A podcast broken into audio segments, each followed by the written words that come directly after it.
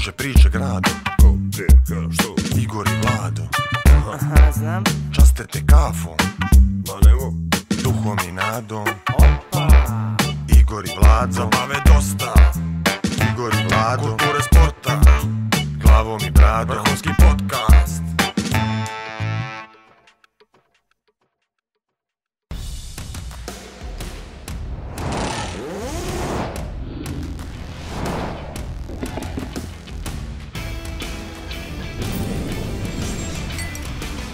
Ian Casino. Budućnost igre. Ova... Hoćemo li? Mogli bi, ja? Ajde, hoće, hoće ljudi da idu za Dubrovnik. Na, na, na Dubrovnik. Na Ej, ček, ček, ček, ček.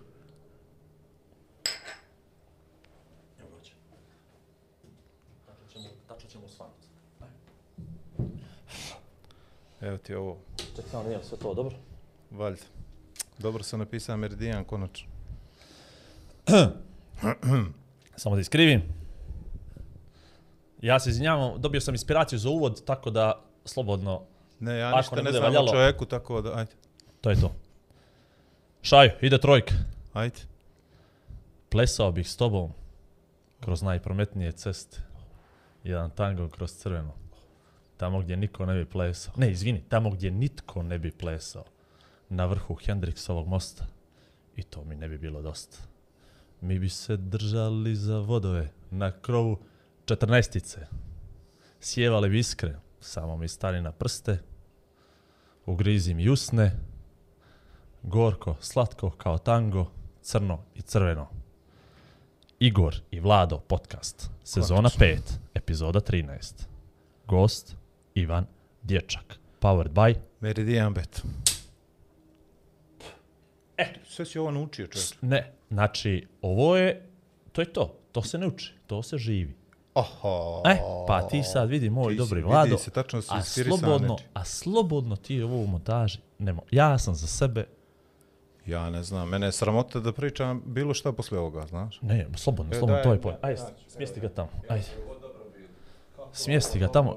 Šajo, ti si to tako? To je mene najbitnije. Živaj stani, samo da vidimo, Jesse, odakle si čito? Ne, nemam, nemam idiota, nemam telepromptera, nemam režiju. A kako nemaš pored mene živog idiota? Nemam bubice, nemam ništa, ovo ti je... Pa, oh, pazi. Kako nas je, sve nas je iznenadio. Po Evo ja sam ugol uvod. Put, prvi put da mi ne znamo gdje ću ovaj ja, boga mi znam. Znaš? u klinički. u klinički ti, poslije svega. Ali, ovaj, e, šalili smo se malo na početku, e, uglavnom sve epizode smo do sasne imali u kasnim popodnevnim večernjim časovima i dođe čovjek, rocker i ustane nas ujutro i da snimamo veli jutarnji. Ali morat ćemo da, da utvrdimo s njim tačno je li rocker. E, bravo, i to ćemo da radimo, Moramo, ali ono što mene način, interesuje, mene isto, a to ćemo isto da utvrdimo s njim, jer to zato što je čovjek iz Evropske unije, to nam je pa bitno. tamo ima neki red, razumiješ? Tako je, tako je, tako. Jer i onda oni poštuju, znaš, jer možda bi nam i naplatio duplu dnevnicu, znaš, ono kad radi e. druga smjena, treća uđe, smjena. Uđe li u noćne i to, uđe, preko vremena, e. to. Ili ovo sa to što je jutarne, pa ono radi radno vrijeme i to je to. ili možda ima neku drugu gažu, što bi se reklo. Možemo li početi što prije, mene interesuje ove tantijeme kako raste kod Dobre. njih idu. E. To, doćemo od toga. Ajmo mi još samo na primjer, nešto. Na primjer, interesuje me, bili mi ovo mogli da naplatimo tamo, kapiraš? Neđe u EU. Pošto ovdje ne možemo. Ali vidi, pa, znaš, znaš što mi je dobro, imamo i publiku. Svi kako ovaj god, dva prsta mi dignemo za neke pare, oni svi ka... Ah, Nije vrijeme. Nije, Nije vrijeme. vrijeme. Strpite Korona. Korona. A ima još mi jedna stvar, ali do sve ćemo to ispitamo. Kako dobro. će, baš, baš nam se nekako otvori. Dobro. Mislim da ćemo da istresamo svu ja našu... Ja brate, od prezime na krenut padalje. Slušaj, e. svu našu safru koja nas... Koje? A nije malo. A nije malo. Znači ima sve da istresemo, ja bi samo volio na kraj da ne bude da su oni sposobniji od nas, to ne bi baš volio, ja bi samo volio na kraj da se ispostavi da su jednostavno ljudi rođeni na, na srećnije mjesto. To e, je to. to, Ali da smo mi bolji. A i da nismo imali sreće. Vidi, kasno je zazil.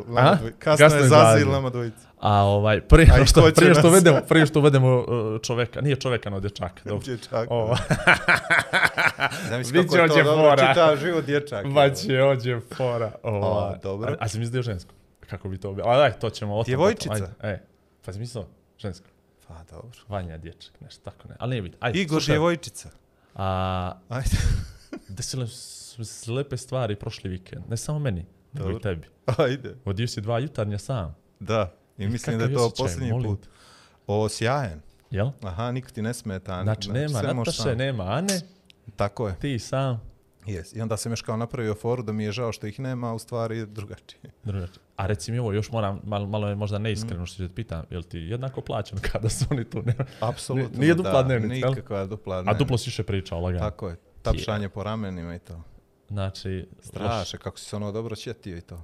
Koje? Pa ona najava i to, znaš, sad, znaš kako sam dobio poruku, kao da sam ne znam ni ja šta napravio. A dobar si ti, kupiš ti vaza, kupiš to, ti vaza na ljude to. sa strane, Aha, da ti nađe ja. bolji profil. To, to. Radi zaliski.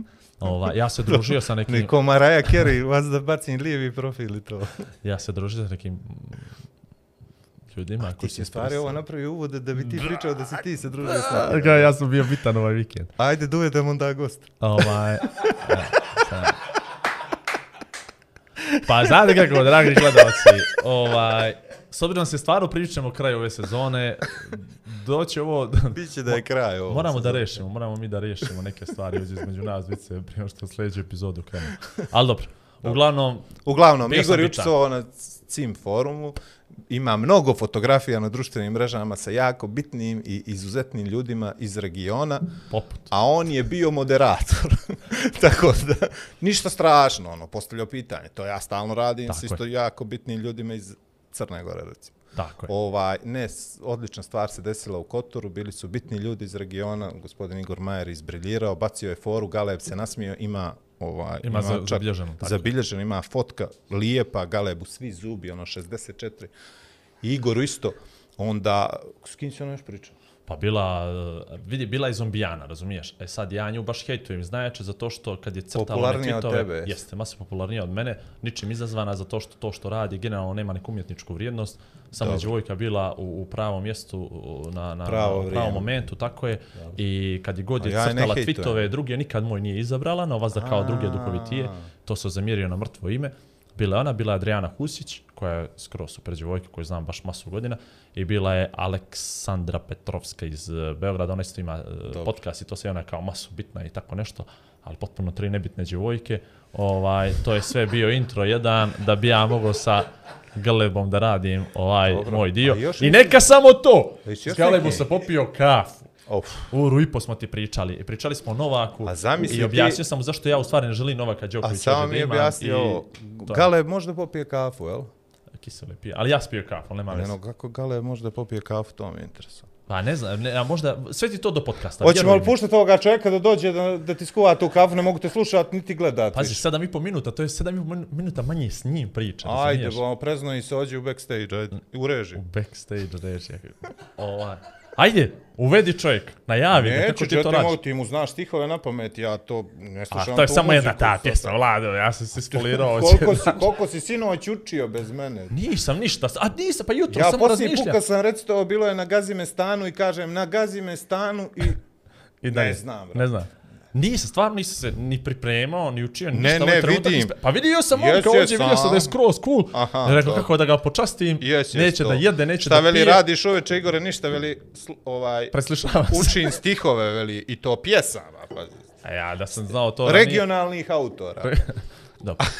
Ajde uvedi čovjek. Aj stvarno, ti to e, stvarno dobro radiš. Gospodin Ivan Dječak, frontman grupe Vatra, izvolite. Samo to tako, jel? A pa što ćeš pa, više? Tako i to što pa kažeš. Ivane, daj ti meni jednu... Ivane, jesi dobro? Ivane. O, fenomenalno, čim sam u Crnoj Gori. Daj ti meni jednu kafu do pola, skuvaj sebi kafu meni do pola jedno. Koliko napravi smo konobara i šankjera Ođe, moj majer, šta radiš S druge strane, s druge strane, s druge, da te kamera snimi, da te kamera snimi, da te kamera snimi. Ja, uvijek su zbog profila. Samo vidi, ti si čovjek sa najboljom linijom koji je dolazio možda ti i Marko Vukčević. I onda se sve vidi, vidi nam se i znak i, i, A imali smo strašnih problema, bilo je njih dvojica, trojica. Taj tu? Nisu viđeli ljudi odakle kuva kafa. Se kuva kafa. Bravo, samo izlazilo. samo izlazilo. A ja sam pio. Sjećaš li miris Kimbo Espresso Ne, plaćeni Od neki... kratki. A, do pol, standard. Do pol. Trupe u njega.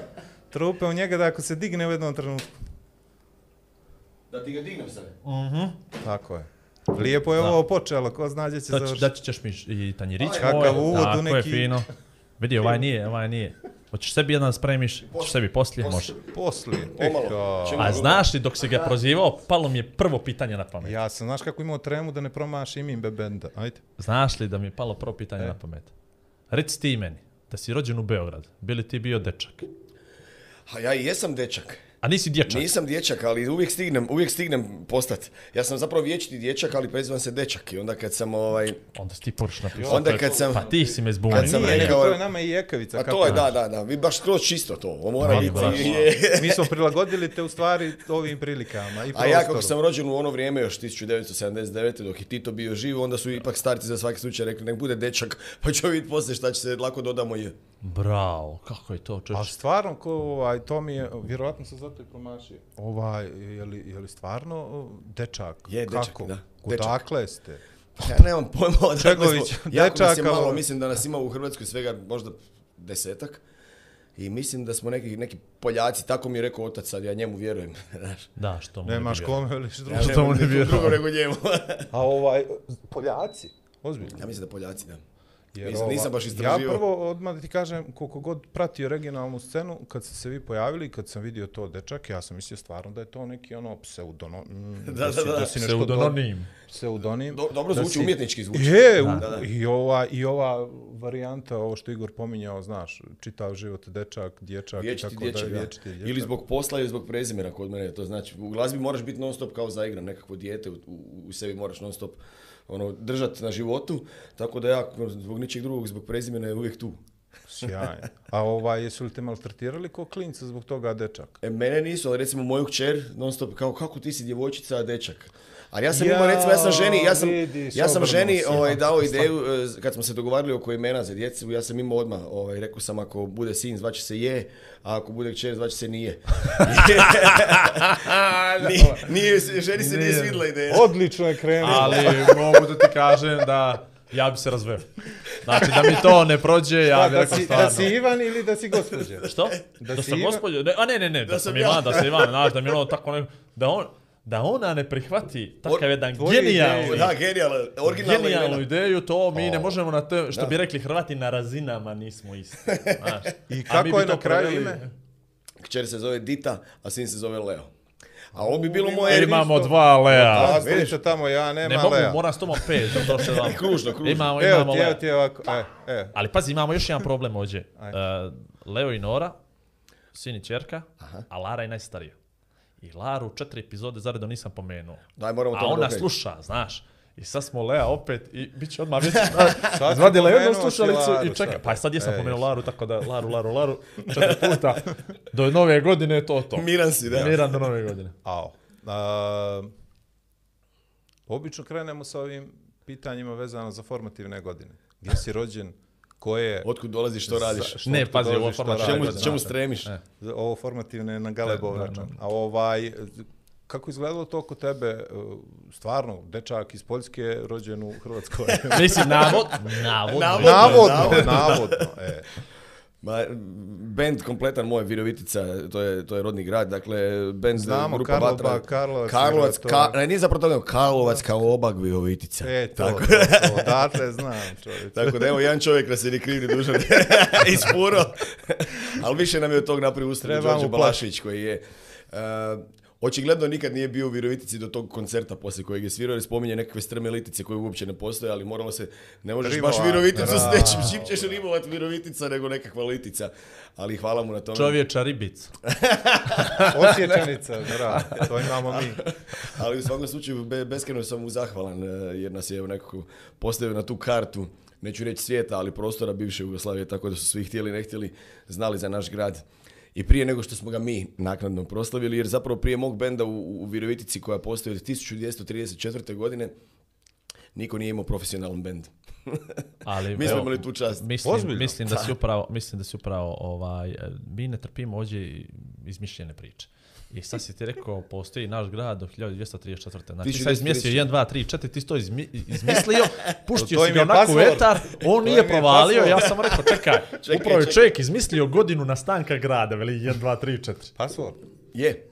Vjerujem. Pasvor turističke pa je, organizacije. Vjero, Virovitica 2, 3, 4. to vam je, to vam je, jel? A pa to nam to je bilo najveće za zapamtiti svima u gradu, pa smo, znaš, a mali grad, svi, mali smo se, svi smo se našli na trgu, ovaj, da glasamo, kako je ovaj mikrofon, nije imao niko pravo glasa, ja sam rekao, bit će 1, 2, 3, 4, može, može, i to je to, rekao, ja, ja hodam okolo po tim gradovima i državama. Ovaj što je pravio tablu, samo napisao 1, 2, 3, 4, to je to. Idemo.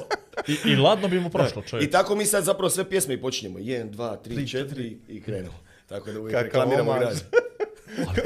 oh, bi bi ovo će biti najbolje, brate. A zato On se spremao za podcast. Zato što je 13. Kako? 13 epizoda. A, 13, jesi I kraj, Maja, meni Maja, vas da super. Ovaj... E, šutra plat. šutra plat, to, da. Uh, e, prvi stvarno profesionalni band iz Virovitice. Je, je. to.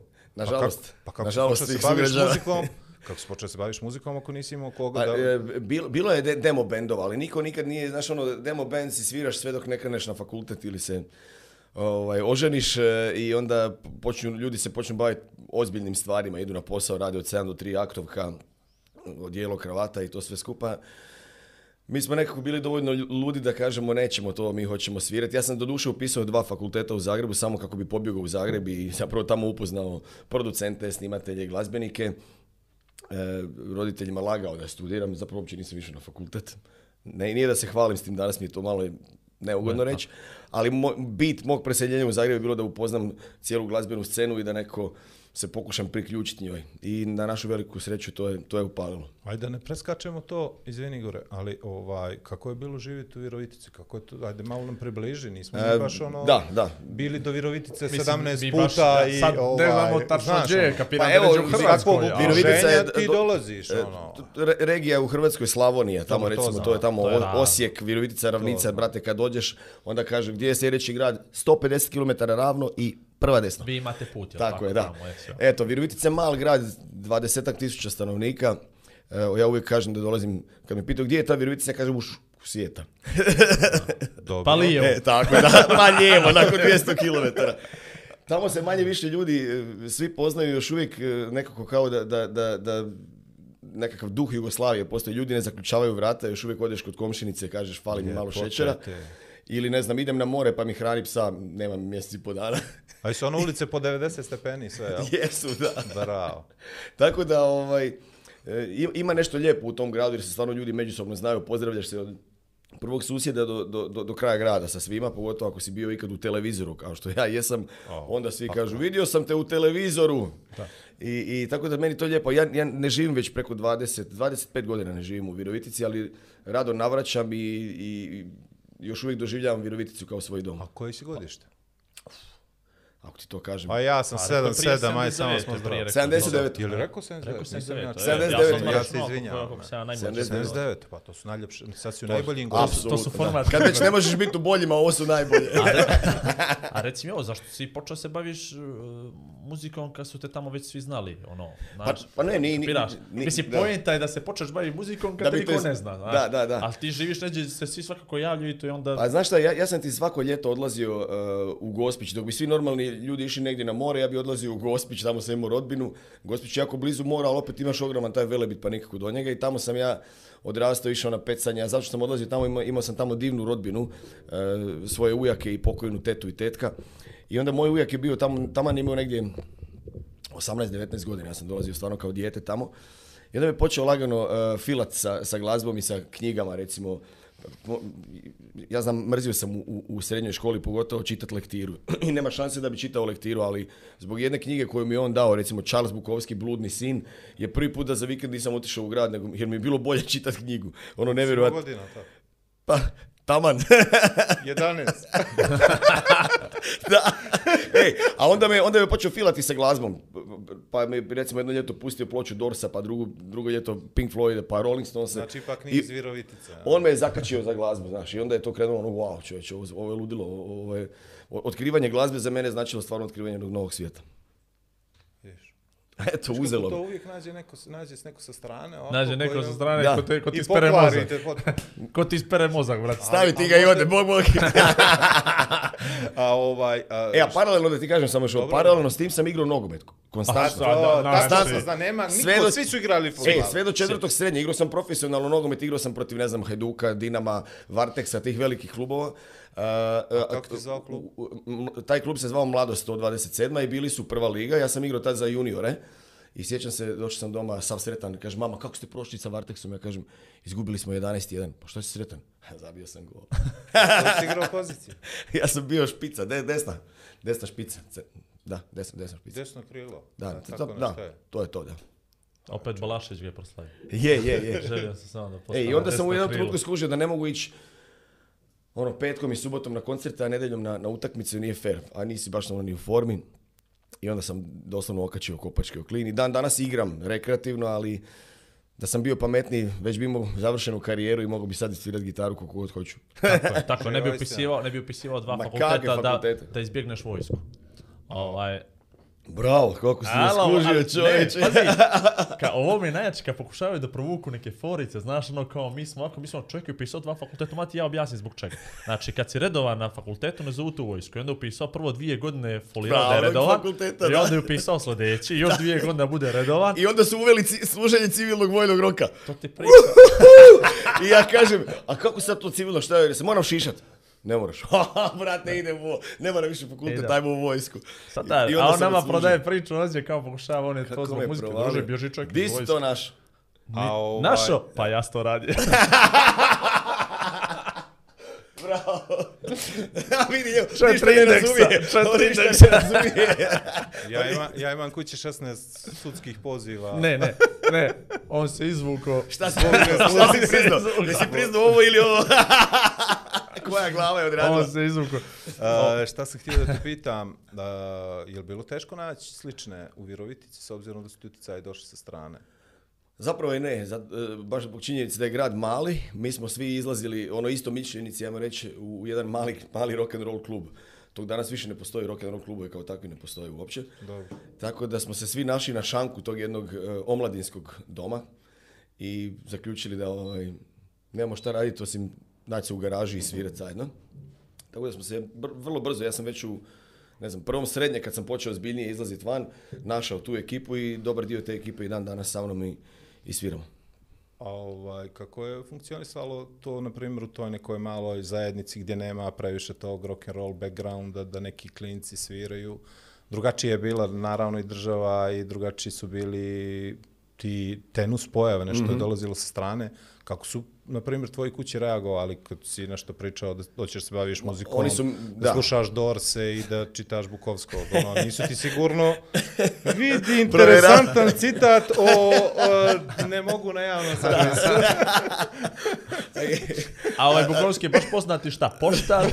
to, to, to, to, geodeta. A, a pazi, vjerojatno su, ja sad ono pro, promišljam stvarno, ovaj, a vjerojatno su ljudi mislili, ma slušaj, pustit će ga to, završit će srednju školu, to, krenut će u Zagreb na fakultet i kakav bend, to će se rasformirati. Međutim, ja sam uspio e, svoju ekipu iz benda uvjeriti da i ako počnu raditi nešto, da rade nešto što ne smeta tom da vikendima odlazimo na koncerte. I oni su se stvarno tog držali, naša su, su nekakve firme, poduzeća, kafiće, gdje su odmah na razgovoru za posao rekli ja vikendom sviram, možeš. I tako da smo od početka imali takvu priču da nam je to zapravo, ajmo reći, jedini izlaz u nuždi je izlaz kroz, kroz, kroz glazbu. Mislim, zapravo sad kad gledam, mi smo bili definitivno ludi. jer to nije normalno razmišljanje. Jer ti, ok, kad si klinac, ne promišljaš da ćeš jednog dana imati dvoje djece, da ćeš morat plaćati račune, nego ti je dovoljno tih, ne znam, 100 kuna koliko zaradiš taj tjedan od, od koncerta i kažeš, ma to je ludilo čovječ. Tako je, tako je. A koliko vas je bilo u početku, koliko vas je sad? Je što isti, Isti, je broj. Bilo nas je petero, baš članova benda. Onda se poslije povećao broj kako je benda, ajmo reći, rasta, onda smo ne znam, kupili svoj kombi pa smo uzeli vozača, pa smo uzeli tonca, pa smo uzeli skužili smo da nas više ne da nositi oprema, pa smo uzeli dva dečka koji nose opremu, slažu i to.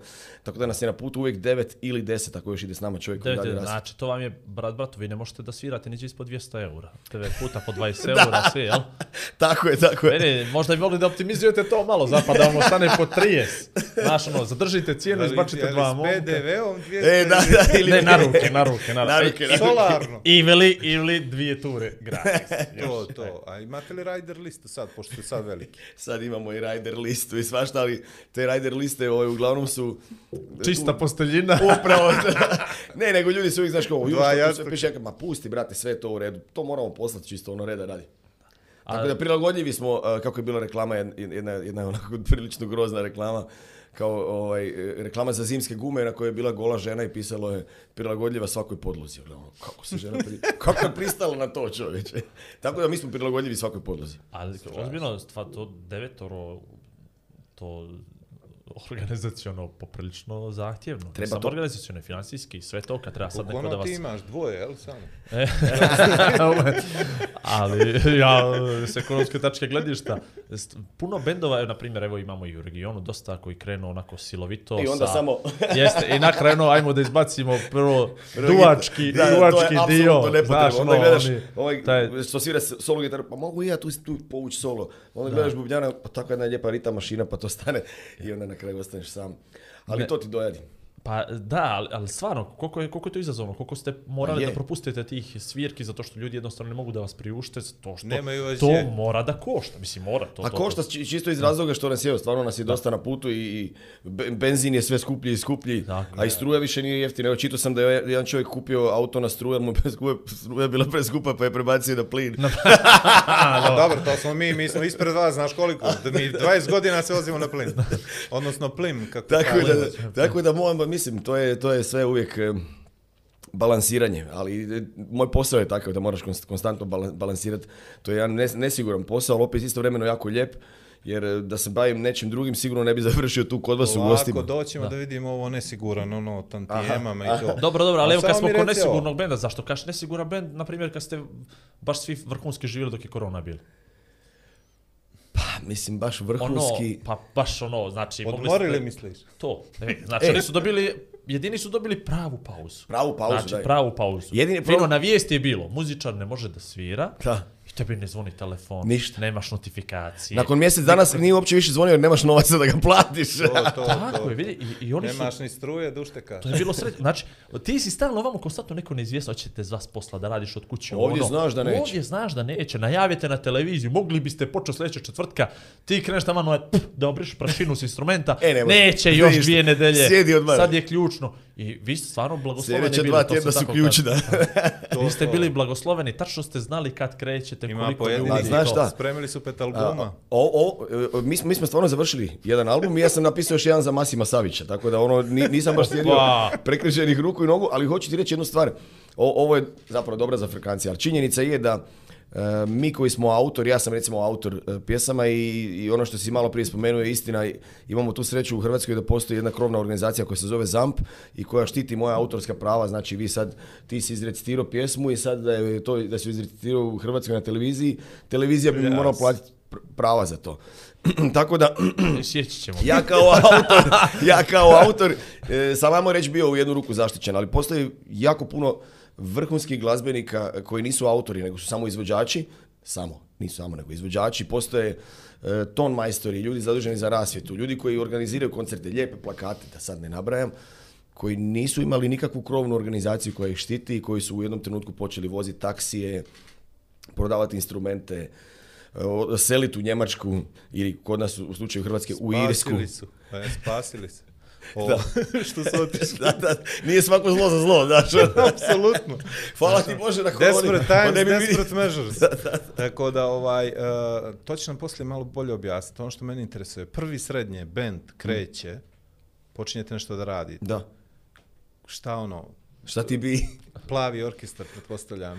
suada, suada, šta da dugme, ne, ono, opet ćemo platiti nešto. Kako, je kako izgledalo to prvo, to prvo okupljanje vaše pred publikom? To da, moraš da, da. malo da mi evociraš te imali smo, Imali smo valjda prve dvije, tri Mjesna probe. Mjesna zajednica virovitice ili Dom omladine. Da, taj Dom omladine, to je Dom omladine. A prve probe smo imali kod mene u garaži se Bože dragi. I ovaj, mi, mi, bi nedeljom to, znaš, a nedeljom i to naravno u odmah vrijeme ručka. Od 3 do pet. to.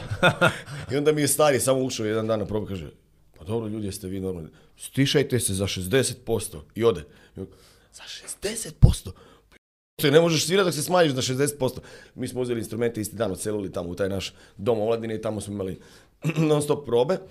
I shvatili smo da užasno loše sviramo obrade katastrofalni smo bili i onda smo šta ćemo sad, kako ćemo svirati, ne znamo svirati te obrade, to je i dosadno nam je to.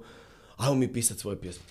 I smo pisali te neke ja, bili smiješne. jedno vrijeme. Pa, mi, smo, bili uvjereni da to nije punk, ali vjerojatno uh, sa činjenicom da ne znamo svirati, to je bio apsolutni punk. I onda iz, tog razloga, kad me danas pitaju kako je to, koji vi to žan, kakav žan svirate, ja kažem, mi smo nesvrstani. Znaš, I onda možemo komunicirati i sa jednima i drugima i trećima. Nisam rocker, ja definitivno. Ja sam promašio prezime, ti A ti žan. Ja, ja, ja gledam koliko je, je čovjek genijalan. Znači, oni su ukapirali da, ne umiju da... mu se sada. Ne, ne, svima njima. Znači, oni su kapirali da ne umiju da sviraju, ili ne, ne umijemo da sviramo obrade. Zašto? Zato što ima s nečem te upoređuješ. Znači, ovaj je ođe, ti si ođe, i on je to komunicirao, mi ne umijemo da sviramo, ajmo mi da pišemo naše. Pa, Jer ti kad napišeš, ti postaviš standard. To je to, kao, ja to sam baš ono, tako mislio. ja, to je tako, ja sam dao sve od sebe, to boba ne valja, ali to je neđe to je standard. Moje, da. Ali, I sad ti probaj mene da obrađuješ. Smiješ? I znači, nikad nije kasno za tvoj band, jel? Apsolutno nikad. Pa mislim, gledaj znači, Bob Dylan nekak pjeva. Na, na, na, na, na, nešto ta neki trip. Sporije, ali, brate, to je, da, da, znaš kad neko kaže ne pjevaš dobro. Molim, jesi čuo Bob Dylana kako pjeva? E, Ili ne znam onog, kako bi rekao moj uvijek, to je non stop plaće ovaj, Johnny Štulić. A lijepo isplako, lijepi pjesama isplako. A i, i, prvi srednje je band, je. A kad prvi pjesma, kad prvi... Prvi album, prvi album smo snimili u četvrti srednje sam išao. Tad smo objavili prvi album. Kako je to izgledalo tad? Ili to bio neki gerila, onaj pokušaj ne, ne, ne, da se ne, dođe? Ne, ne, ne, htjeli smo, dakle, najboljeg producenta u državi koji postoji, mi smo slušali te ploče, ne znam, Majke, Let koji je bio, Pipsi, Hladno pivo, ovaj, Darko Rundek, i sve što smo slušali je bilo potpisano s tim nekakvim potpisom Deniken. Šta je to Deniken? On je, on je producent bio da, najpoznatiji tad i onda smo rekao hoćemo tog lika. I onda smo ga uspjeli doći do njegovog broja. Pazite, tad nije bilo interneta, nije bilo mobitela. Pa zato kažem gerila. Da, uspjeli smo ono, točno se sjećam, doći do njega. Ja sam otišao u Zagreb, dogovorili smo se, vidimo se na cvjetnom trgu. Ja imam smeđu kožnu jaku, ja imam crnu, dobro, ja ću nositi e, večernji list, može. U dva popodne, u dva popodne i toko smo se našli i pričali. Ja sam stvarno bio golob radi klinaca sam do tu. On je bio legenda u našim očima i prva četiri albuma, on, prvo rekao moram doći na vašu probu, vas čut vidjeti mi smo bili klinci, totalni klinci, on je došao u Viroviticu, vjerojatno nije ni znao gdje je ta Virovitica. I nekako smo kliknuli, on je, on valjda u nama vidio nekakvu ono, tu dječačku eh, ludost, zaigranost, iskru, nama je to bilo ono čitav svijet. Mi smo ti doslovno eh, jedno tri mjeseca eh, skupljali novce da ga platimo od frizerskog salona u Virovitici do automehaničarske radnje, otac od našeg je prodao televizor. skupili smo pola novaca i onda sam ja ima, izašla je ta jedna mala biografija u mom bendu i onda, i onda sam otišao na more i na moru plivam s jednim čovjekom i on kaže čim se ti baviš? Ja kažem ma sviram i trebali bi snimiti album ali fali nam još te love, znaš sve vam plivam. I kaže on meni, aj lijepo sutra ujutro sjedi na autobus, odi u Zagreb, ja sam direktor Hrvatske lutrije, to je naša najveća kuća za, za klađenje. I, kaže, on, mi ćemo vam platiti taj ostatak. E, I tako da je to samo da rekao u knjizi šta je najbitnije u životu, e, za, ako pitaš mene, najbitnije je znat plivat. Ali čovječe, ono kao sve smo mi, znaš, ono, ima onaj kako sam postao e, milioner. E, koga znaš, dovede, ja nećemo zaspat posle ovog. Lado, znaš ono kako sam postao milioner. Kupio sam jednu jabuku, pa se čistio e, laca pa dvije, pa to to to i na kraju mi umrla tetka. I, i ostala mi, ostavila mi milion, e, e ta priča. Na sad jedna, te, znaš da ima jedna priča tako u Bjelopavlići sad, znaš, na 16. koljeno mi izašlo po 45.000 muškim nekim potomcima. Znam koliko je baba imala, je, znam koliko je baba imala para. A sad trebaju da po, ovaj, neki dvorac tamo nje da podijele. Aha. I samo ovako radi. Jesi po šupu. 20, Svako nosi svoj križ. 23, 25, 26.000, šta bi mogao za 26.000? Ništa, odmah ti reći. A, ovome, o, znači, to je 97. 98. tako nešto, da, jel? 98. da. 98. izdajete prvi album. Znači, krajem, krajem 98. ajmo reći tako negdje. 19 godina. E, to. Ima, ima, ima već 23, Četiri, jel tako? A vi se, vi se stvarno bavite tim? Ma da, mi Znaš, po, po, pojao si mi tri, četiri pitanja u onom prethodnom odgovoru je, za ja producenta. Za, ne, ne, ne pričaš previše, nego pretrčavaš, ti misliš da te svi znaju. Ne, ne, ne, ja sam apsolutno uvjeren da me ne znaju. ne znaju te. ovaj, uh, ono što mi je interesantno, kako reaguje, na primjer, čovjek koji je radio sa tim ozbiljnim bendovima, istorijskim, hrvatskim, koji mhm. dođe tako u Viroviticu i vidi klince i, i, i, i pred, pretpostavio sam taj neki entuzijazam i neka posebna energija koju vi i danas imate. Ali šta vam je on rekao posle toga? Koliko ste vi imali? Ste imali tremu neku? Ma, jeste imali neku frku? Strašno. Ovaj Kakav je bio taj materijal? O čemu se tu radilo? Jeste li prepravljali to koliko posle rada sa njim? Koja, Je, bila, koja je bila razlika između onog brušenog na kraju i, onog, sirovog koji, koji je bio. Zapravo jako puno Deniken, inače i punim imenom Denis Mujađić Deniken, je užasno puno uticao na nas. on, čim se pojavio nama je on bio znači stvarno on je rekao, baš sa kući, bubnja. Da, da, da, nije nas potjerao, ali nas je sjeo u, taj naš prostor gdje smo vježbali i mi smo jedno mjesec dana s njim to, baš dobro što si rekao, brusili, mijenjali, pripremali. I onda nam je naš prijatelj iz Virovitice dao zapravo jednu kuću njegove bake gdje je taj producent donio cijeli taj studio i mi smo tamo snimali. I tu ima jedna lijepa anegdota, pošto sam ja u to vrijeme kao tamo išao nešto već kretao na fakultet, pa sam trebao ići na nekakva predavanja, nešto je to bilo. A onda bi ja otišao na, mama bi me odvezla na vlak, na tu glavnu stanicu. A ima, Ti da ono a, Ne, ja krenem u vlak, ali ima jedno pola kilometra dalje mala stanica, Aha. gdje vlak samo malo uspori ja iskućim van, tamo me čeka moja ekipa, odvezu me u tu kuću i tamo snimamo cijeli tjedan do petka. U petak kontra, Ben me dovede u tu malu stanicu, vlak me izbaci na veliko i ja kažem mami, evo me stigao sam, moram ići sad snimati. I tako je izgledalo jedno pa dobrih mjesec dana.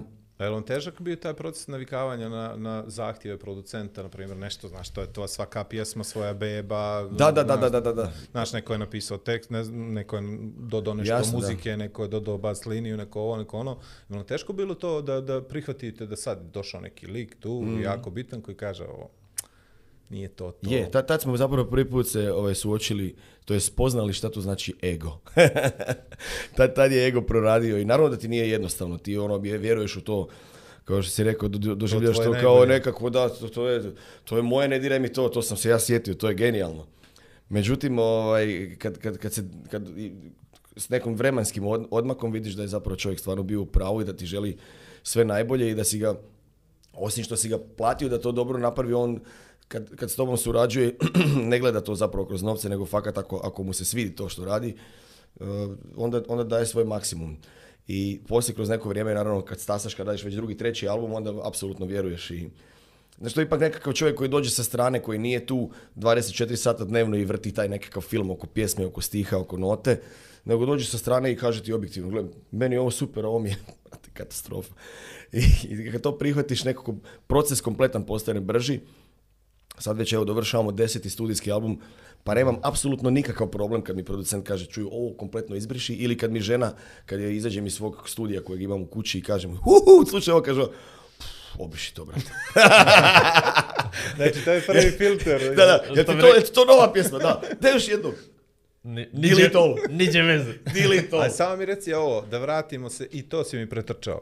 Prvi nastup vaš je bio sa vašim pjesmama, to stvarno ste napravili sa vašim pjesmama. Gdje je isto u Virovitici, pretpostavljam? U Virovitici smo ti, ovaj, moja dva prijatelja i ja radili smo jedan e, doček nove godine u jednoj e, zgradi koja je još tek se dovršavala, znači niko nije živio u toj zgradi. A dolje je bio ogroman podrum od jedno 300-400 kvadrata i mi smo dobili taj podrum na korištenje i rekli smo da će doći naših 20 prijatelja će doći tamo. Na kraju čitava ta naša generacija je bila na tom dočeku te nove godine i mi smo rekli ljudi ovo je izuzetna prilika da odsviramo naš koncert. Tako da je to, to bila, taj ne, mogu se više, to je prije nego što smo snimili album, još smo se ono kao napucavali.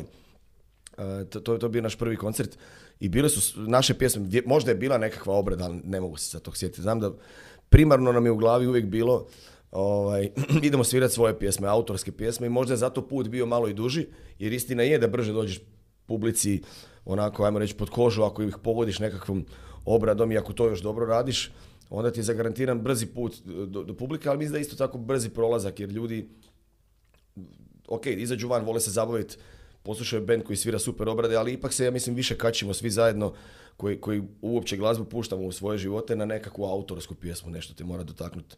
Nekakav yes. band, neka razlika svakog benda, pjevača, ne znam, nešto te mora dotaknuti. Jel ste bili glavne face posle te nove godine? Ovaj, to, kako, kako je bilo to prvo? I vi jedan bend u Nikšiće, žao mi je što, što ne radi više. Oni su organizovali svirke uvijek kad je frontman ostajao bez cure, znaš. Tako da ne znam kako je to izgledalo u vašem slučaju. Pa, pa što ti htio reći, da sam nakon te svirke mi je konačno ta cura koja mi se jako sviđala rekla Ma može. Može, može, zašto da ne? Ma može, nije to uopće loša ideja. A mene nikad niko posle bilo kojeg podcasta. Pa Ajde. čekaj. Nije, možda zato što su trojice u sobi. Ne, nije do žena, do žena, tebe. A jeste se zvali od početka vatra? Je, to dolazi kao nekakva inspiracija, to jest fascinacija e, Dorsima. Znači, za mene su postojali, jedno par godina nisam uopće prihvaćao činjenicu da postoje još neki drugi bendovi na planeti, jer su mi bili svi apsolutno nebitni, osim Dorsa. I onda vjerojatno vatra dolazi iz tih nekakvih dorsa. A poslije sam skužio kad sam pričao sa uh, e, Sevom Seksonom iz zabranjenog pušenja, on je rekao, kad smo se nazvali zabranjeno pušenje, gdje god dođeš, u koju god policiju, e, bolnicu, svu je naš plakat, zabranjeno pušenje, znaš. Kao imali su odmah besplatnu reklamu. A tako i vatra, zapravo vatra je nekakva riječ koja je tu konstantno u, u žargonu, svi znaju za nju. Tako da ljudi su brzo zapamtili ime, znaš. Danas imaš hrpu tih nekih bendova koji brate, treba mi ono riječnih stranih riječi da prevedem kako si... Na... Ma nešto, imena, da. da. Znaš, sad su ta moderna strana imena neobična malo. I... Kako je mladen ono bio, jao što je... Evo vidiš, ne možeš se sjetiti na prvo. Marko. Ko je? A, Marko Vlahović. Prekardašijans. Prekardašijans je bio i onda je bilo Ono? niči, ničeom, ničeom izazvane. ničeom ovaj. izazvane. Studenti filozofije. ne smijem ja reći nešto što sam napisao, taj status nije za javni servis. A, prije 23. Uh, Šta sam htio da pitam? Da, styling. Sa mhm. tih 18 godina. Kako ste gledali? Užas. Omekšivač, slušali Dorse i svirali svoju muziku. Zapravo jedini e, koji je imao baš izređen styling je bio naš bivši basist koji ja neću nikad zaboraviti kad ga je doveo naš bubnjar na prvu probu, on je bio dosta niži rastom i jako je bio sitan. I ovaj, slušao je Cure. Dakle, došao je na probu, potpuno našminkan, sa šeširom na glavi, ljubičastim rukavicama bez prstiju, dugačak nekakav kaput i ovakva ziherica. I naravno Marte na nogama igrom. Da, na probu. Ja kažem, s ovim likom želim svirati. I tako je on non stop imao taj svoj imidž. taj, recimo, prvi koncert, kad smo, onaj što sam ga spomenuo, na taj koncert je došao obučen u crnu vreću za smeće samo izrezani rukavi. PVC znači. Fenomenalno je izgledao. I onda se je kasnije napravio sam, e, napravio si taj šešir i nosio konstantno na glavi, onda je napravio šešir, kupio je staklo, izrezao ga na male kockice i napravio kao disko kuru šešir koji je fur, ima 5-6 kila, ono teži od, od šljema čovječ. Ne znam zapravo koliko je šljem težak. Ne znam, da, ali kažu ljudi da to teško. Da. E, ovo je bilo jako teško i on je nosio to non stop na glavi, a bilo fora kad, kad lupe reflektori u njega, onda se to odbija, na sve strane. Međutim, kasnije je on, eh, nakon našeg trećeg albuma, mislim da je otišao, eh, otkrio je eh, astralnu projekciju, punjenje na drva, zaljubio se u šumu kao takvu. Grlio znači, kod Đoković, Dakle, mi sviramo u Bosni, stanemo, nema nigdje ničeg, moramo izletiti van iz kombija. I sad mi, znaš, raskopčavanje vojnika Rajana. pazi mine, jel? A vidiš njega, on, brate, zagrlio jabuku, ja vidite, ajde idemo, čekaj malo, čekaj, punim se, znaš. Tako da smo mi postali neprimamljivi kroz neko vrijeme. On rekao da ne može više to da mu jedemo mu energiju. Isto ne smijem reći, ali stojimo, idemo na pozornicu, svirali smo jednu veliku bajkerijadu, jako puno ljudi. I sad on govori, ne mogu na pozornicu, šta ti kao? On je tamo u trećem redu mi siše mi energiju. Ja mu kažem, ma siši mi, penji se gore i sviraj je. Tako da to mu je, ja mislim, bio zadnji koncert, rekao da više ne može, ali pa dje, sve najbolje. Pa negdje u, to, oko našeg grada Viroviticima jako puno šuma. I tako da ga znam ga neka streska trčim, ali on više ne komunicira baš sa svim. Ali, ali meni je to, meni, ja, ja bi njega. ali ja moram priznati da se meni isto sviđa ta energija, pogotovo, pogotovo tu, da, naš, e, evo, ja vjerujem da smo zapravo svi manje više u ove zadnje dvije godine koliko smo bili onemogućeni viđati se, ne znam, možda ste vas dvojica uspjeli raditi, ali ono, sigurno u manjem obimu, onda smo svi nekako bježali u tu prirodu. Evo, ja govorim za sebe, ja, ja nisam više bio u prirodi nego te zadnje dvije godine i moram priznati da ta energija te prirode, da to, to, to čudo. Da, samo kada neko otkrije. Da, mnogi ju ne otkriju. Da, dobro, mislim ti si otkrio pa si je pretočio u gitaru i ovaj, to je sad ima drveno onaj pa onaj vrat. Da, opet se nekako se spajaš sa Ja sam počeo zadnje, zadnje, zadnje dvije pjesme sam recimo napisao trčeći kroz, kroz šumu.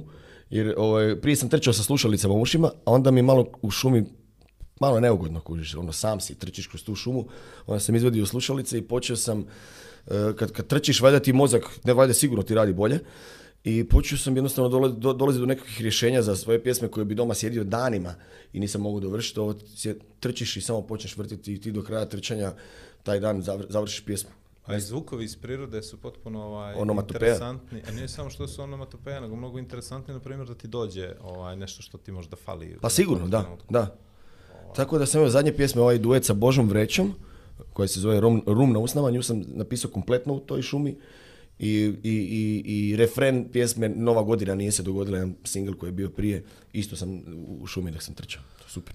A, prvi album, izašao prvi album, wow, kako izgleda to kad držiš u rukama nešto što to si... Je, to je fenomenalno. Ja imam čak na prvom albumu zahvalu svojoj razrednici koja me puštala da odlazim u studio snimat album.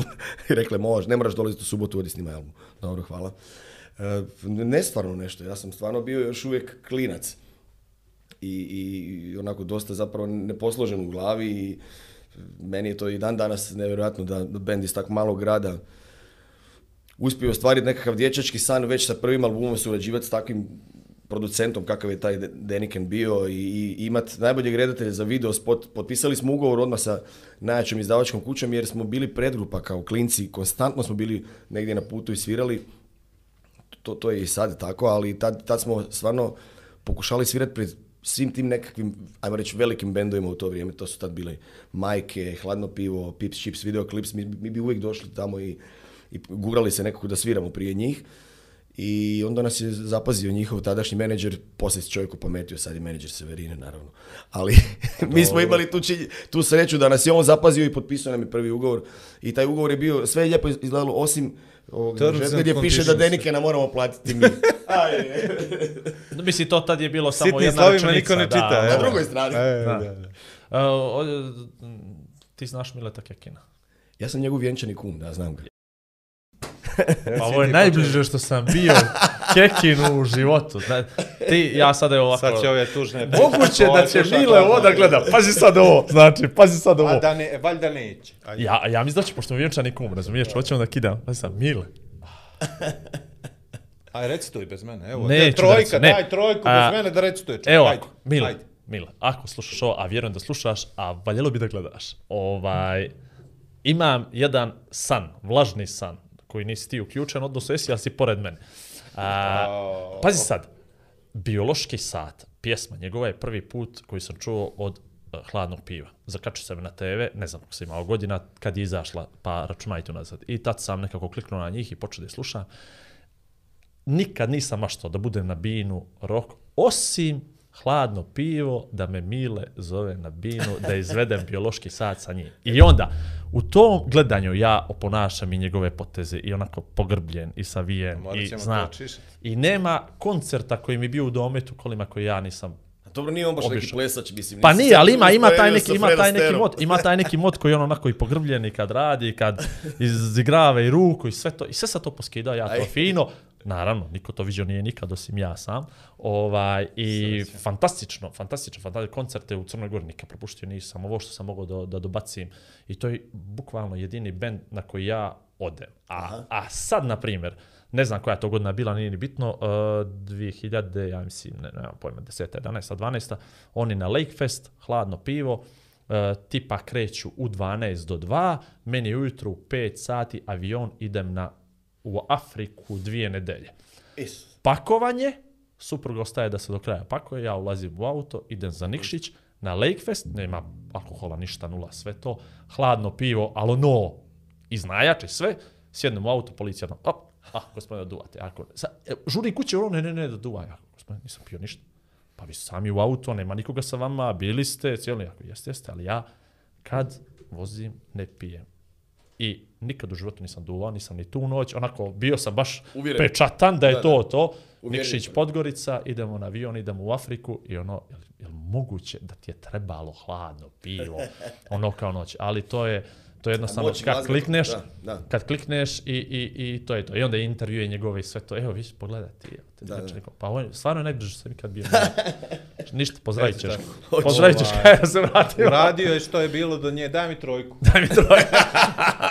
Uradio je što je bilo do njega da dođeš da u podcast. Eto, 100% će završi hotel, to da jedeš, piješ, eta, imaš fotku, sve. E, samo da znam, Mile, ima Zagreb, Podgorica direktno, low cost. Ima low na, na. cost, e, da, na, na. na. na.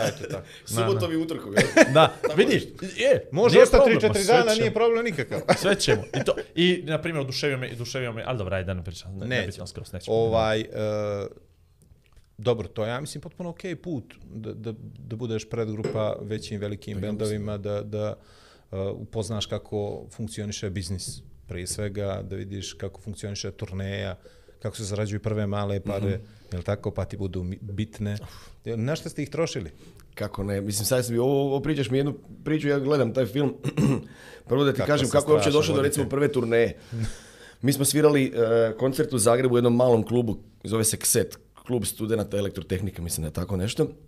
I klub je apsolutno bio prazan, bilo je možda 15 ljudi na, na, našem tom prvom zagrebačkom velikom koncertu.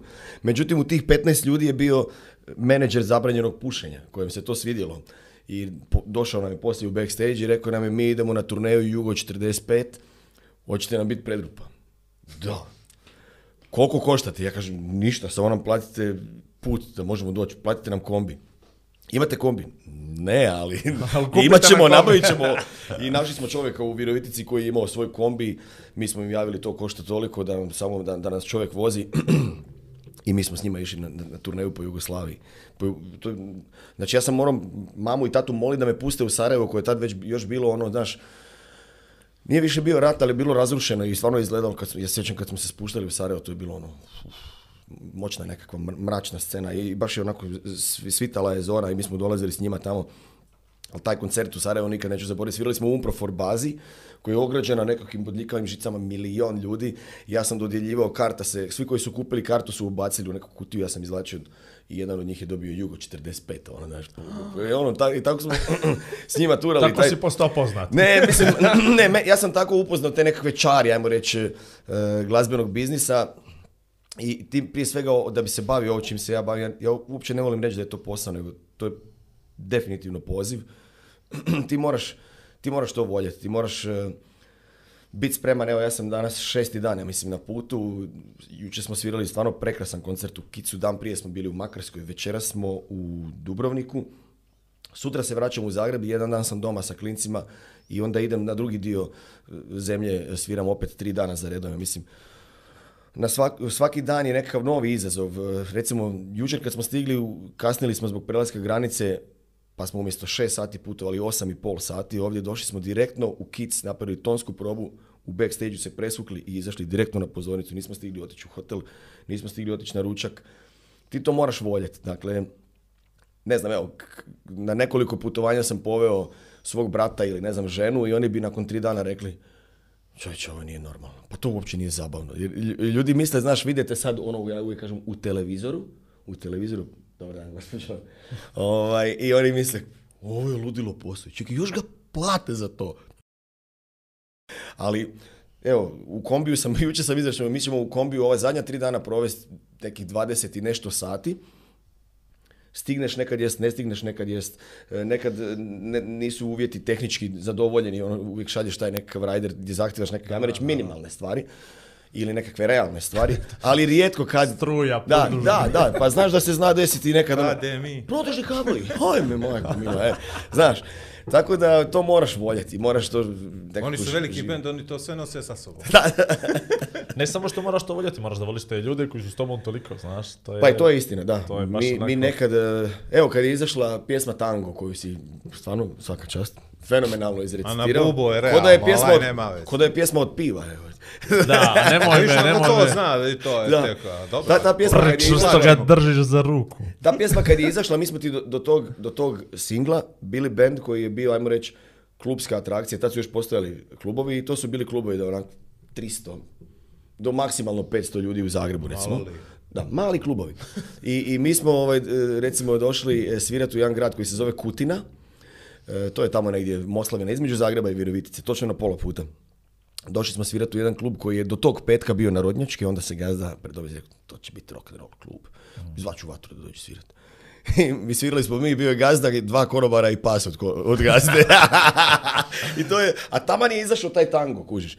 I, I, dva mjeseca kasnije zove nas e, gradonačelnik te iste Kutine, mi želimo da otvorite naš novi trg. Mi? Pa mi smo bili prije dva mjeseca, bio je gazda kafića i rekli, pa jel vi izvodite tango? Ja, da, da, da. ne, došao nego taj tango je toliko eksplodirao da, se to desilo, znači u dva mjeseca je to eksplodiralo i te godine smo recimo odsvirali 92-3 koncerta, što ti još jedan dan gore na putovanje i sve, dakle ja nisam bio uopće kući te godine. Ali pazi ovo, opet mi pretrčavaš. pa moram malo, znaš. E, ja, ja, ja volim trčati. Slušaj. Dože, zabranjeno pušenje prva turneja. Zabranjeno pušenje, prva turneja. Na, nama je to bila prva. Vama, pa vama, naravno, naravno. To ima ta fora s om kad je bio dokumentarac ovaj, o njima na, na Underhill Festu ovdje i onda je rekao da su oni u jednom trenutku bili toliko popularni da su svirali u svakoj u bivšoj Jugoslaviji. Osim u... A onda sam ga ja pitao, pošto je bila projekcija, on je odgovarano pitao pitanje, on se rekao u kojoj nijeste svirali u Crnoj Gori. Znači, a pa onda mrtav vlada rekao u kolašinu. dakle, ali pazi, oni su, ti, oni su čak imali dva kombija. Dakle, jedan je bio za njih kao band, a drugi je bio što si ti rekao, oni su nosili baš kompletnu opremu. Dakle, mi nosimo mhm. dobar dio opreme, ali naravno ne nosimo razlas ozvučenje, pa ko će to nositi, stavljati. Oni su i to nosili. I što ti kažeš? Ovi kažu, sad neko mjesto koje nema na karti. Koliko tamo ima ljudi? 500 stanovnika sviramo tamo, ili ima neki zadružni dom, ima. Mi dolazimo, stavlja čovjeka na ulaz, karte se, stavlja ove lijepe plakate, kad sviram, za četiri sata I samo roka je, oni su pa sve pa, za nekog ko je nov u biznisu kao što ste vi, odnosno u, u muzici, je vam to bilo čudno, jeste se mogli navići da svirate, ne znam, jedan dan ste tu, drugi dan tamo, treći dan, je bilo ono da vam zvižde kao što su Stonesi neđe ovaj preko pa... Svira uh, jazru. to, to. Znaš što za stonsi? Znaš što za stonsi u Argentini, na primjer? Kogod je predgrupa, taj je da ne kažem što, jer odmah počnu da zvižde, da, gađu da. paradajzom ovo ono i ovaj mrčo mora se makne. Ti znaš je. je bio predgrupa Stonesima u Crnoj Gori? Znam. Dado Topić, jel? Ne, nego Regina. Ne. Kako je prošlo? Čekaj, čekaj, ne, ne, Dado je bio. Ja se Regina sjećam. Regina majstore, bio sam na Stonesu, o čemu pričaš, bio sam u, u sedmi red. Dečki na kojem se bi bili s pa stonsi često dolaze kod nas. Nije bio, bio Dado Topić. Dado je bio sa to što znam da su ga isključili kad je krenuo da ura, još jednu na bisi je krenuo kao publika, kad je krenuo da ga zviždi, ja rekao sad ću ja još jednu, pa su ga makli su ga samo vup tu priču sam Tu priču sam čuo. Jel moguće je bio toliko loš koncert da ga se ja ne sjećam? Dado Topić, pa znaš šta, ja ću ti reći, bio sam nekoliko puta na koncertima Rolling Stonesa i sad je recimo unazad par godina, stvarno su primjetne te njihove godine jer im treba barem jedno pet pjesama da uopće prorade. Mi smo ovako gledali zadnji koncert na nekom aerodromu pored Beča. Moj brat i ja ovo gledamo su ovo stvarno Rolling Stones. Pogledaš kartu, cijenu, jesu, jesu. ne, nego kažeš, hoćemo poješ jedno pivo. No, ne, pivo, ne, ne, pijem. da ste sve bili na toj prvoj turneji, koliko je to bilo nastupa sa zabranjenim pušenjem? Jo, ne, ne sjećam se puno, non stop smo bili s njima. Kad god bi oni negdje išli, mi bi, mi bi putovali s njima. Nama je bilo i dva da smo imali, bilo bi nam puno, a bilo ih stvarno dosta i bilo je simpatično što smo svirali, dakle i Bosnu i Hrvatsku, mislim da bilo čak nešto Srbije, Sloveniju nikako. Tako da, nama je to bilo prekrasno. Kako kad je tamo njima to maternji eh, zabranjeno pušenje Slovena? ima, ima jedan bend u Sloveniji i sviraju i s njima sam dobar jako. Ne znam zapravo da li još uvijek postoje, ali Slovenci ti uvijek imaju nekakve bendove koji se slično zovu kao nekakvi hrvatski ili bosanski bendove. Znači imaš zabranjeno pušenje, a Slovenci imaju zaklonišće, pripeva. Da. Onda mi imamo majke, oni imaju Bigfoot mama. Onda imaju, ne znam, tako ne znam sad, Petar Grašo, šta oni imaju? Pero pasulj, nemam pojma. Pero biž. O, oh. oh, strašno. Šalim se, naravno. Ovaj... To sve moji prijatelji. Pozdrav, pozdrav. Pozdrav, pozdrav Jel, kad, kad sviraš tako sa nekim velikim bendom, ti pa ne napamete, ovo bi ja mogao isto. Kad će mene da vole ovako? Da, meni, ja kad slušam neke pjesme koji su ogromni hitovi, volim reći da jedino što mi se ne sviđa kod ove pjesme je što nije moja. Znaš, kad vidiš, neki ljudi tako pogode dobri, ma mislim, to bi mogu reći za kompletan opus, ne znam, Đorđa Balašića koji je, ili ga voliš ili ga ne voliš, tu ne moramo uopće pričati o glazbi, možemo pričati samo o njegovim tekstovima koji su, on, on se sjeti takve nekakve slike koje sama po sebi je već scenarij za film, znaš, kako se to sjetiš, brate, nemam pojma. Tako da nisam ljubomoran, samo mi je... Nije samo ti lijep. Samo mi Samo, da, samo mi je krivo. A ovaj, kad si se ostio bitnim prvi put? A jutros kad mi je Marko rekao da me čeka ispred hotela. pa nije bilo baš prvi put. Pa Čekali su te i ranije. Pa slušaj, ne samo da si bitan, ti si prvi koji ima e, publiku u podcastu našem. Znači, ovo inače je prazno, da. I to pa ne bilo kakvu publiku. Ne bilo kakvu publiku, je, tako da e, stvarno si bitan. Znaš šta se desilo? Ovaj, ja kad sam se doselio u Zagreb, meni ti bila životna želja da mi neko samo kaže dobar dan susjed, to bi mi bilo kao ono činjenica. Prihvatili su me. Prihvatili, znaš.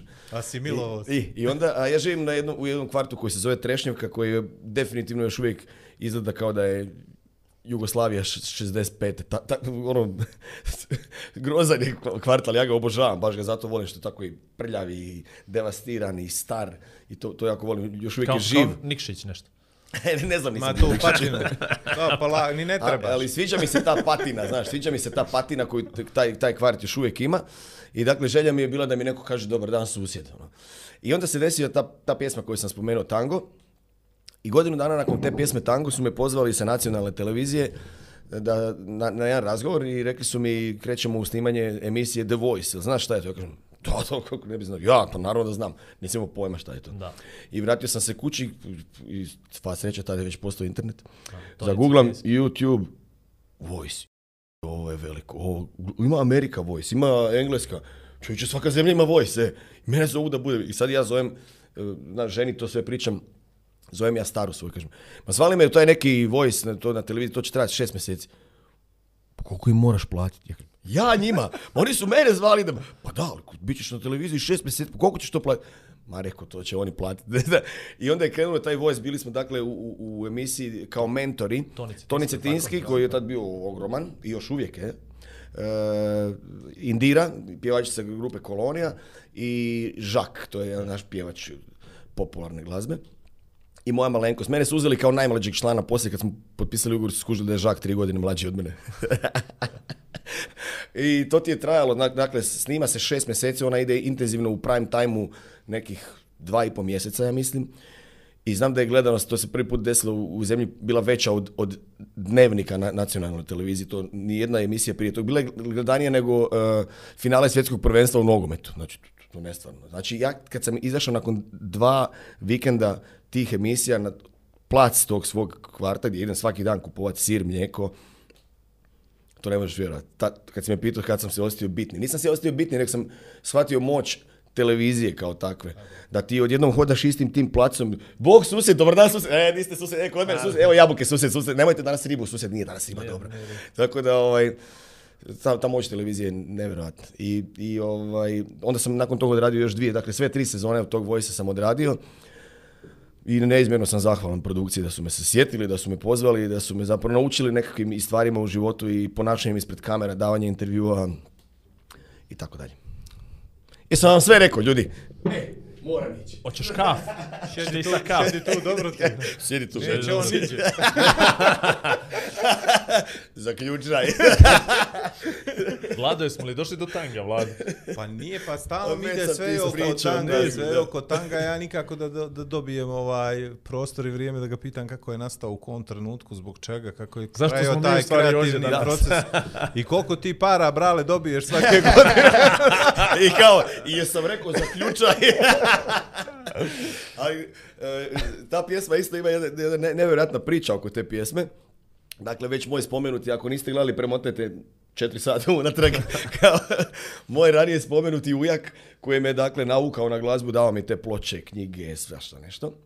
Mi jednom prilikom rekao, ma ovi podstanari mi nisu platili, uzeo sam im nekakav synthesizer, odi uzmi to. Ja rekao, nema šanse, to je, to je taka bad karma, ne bi uzeo to nikad. Dobro, i stavi on to na nekakav tavan svoje kuće koja je derutna i kiša je non stop padala na taj tavan.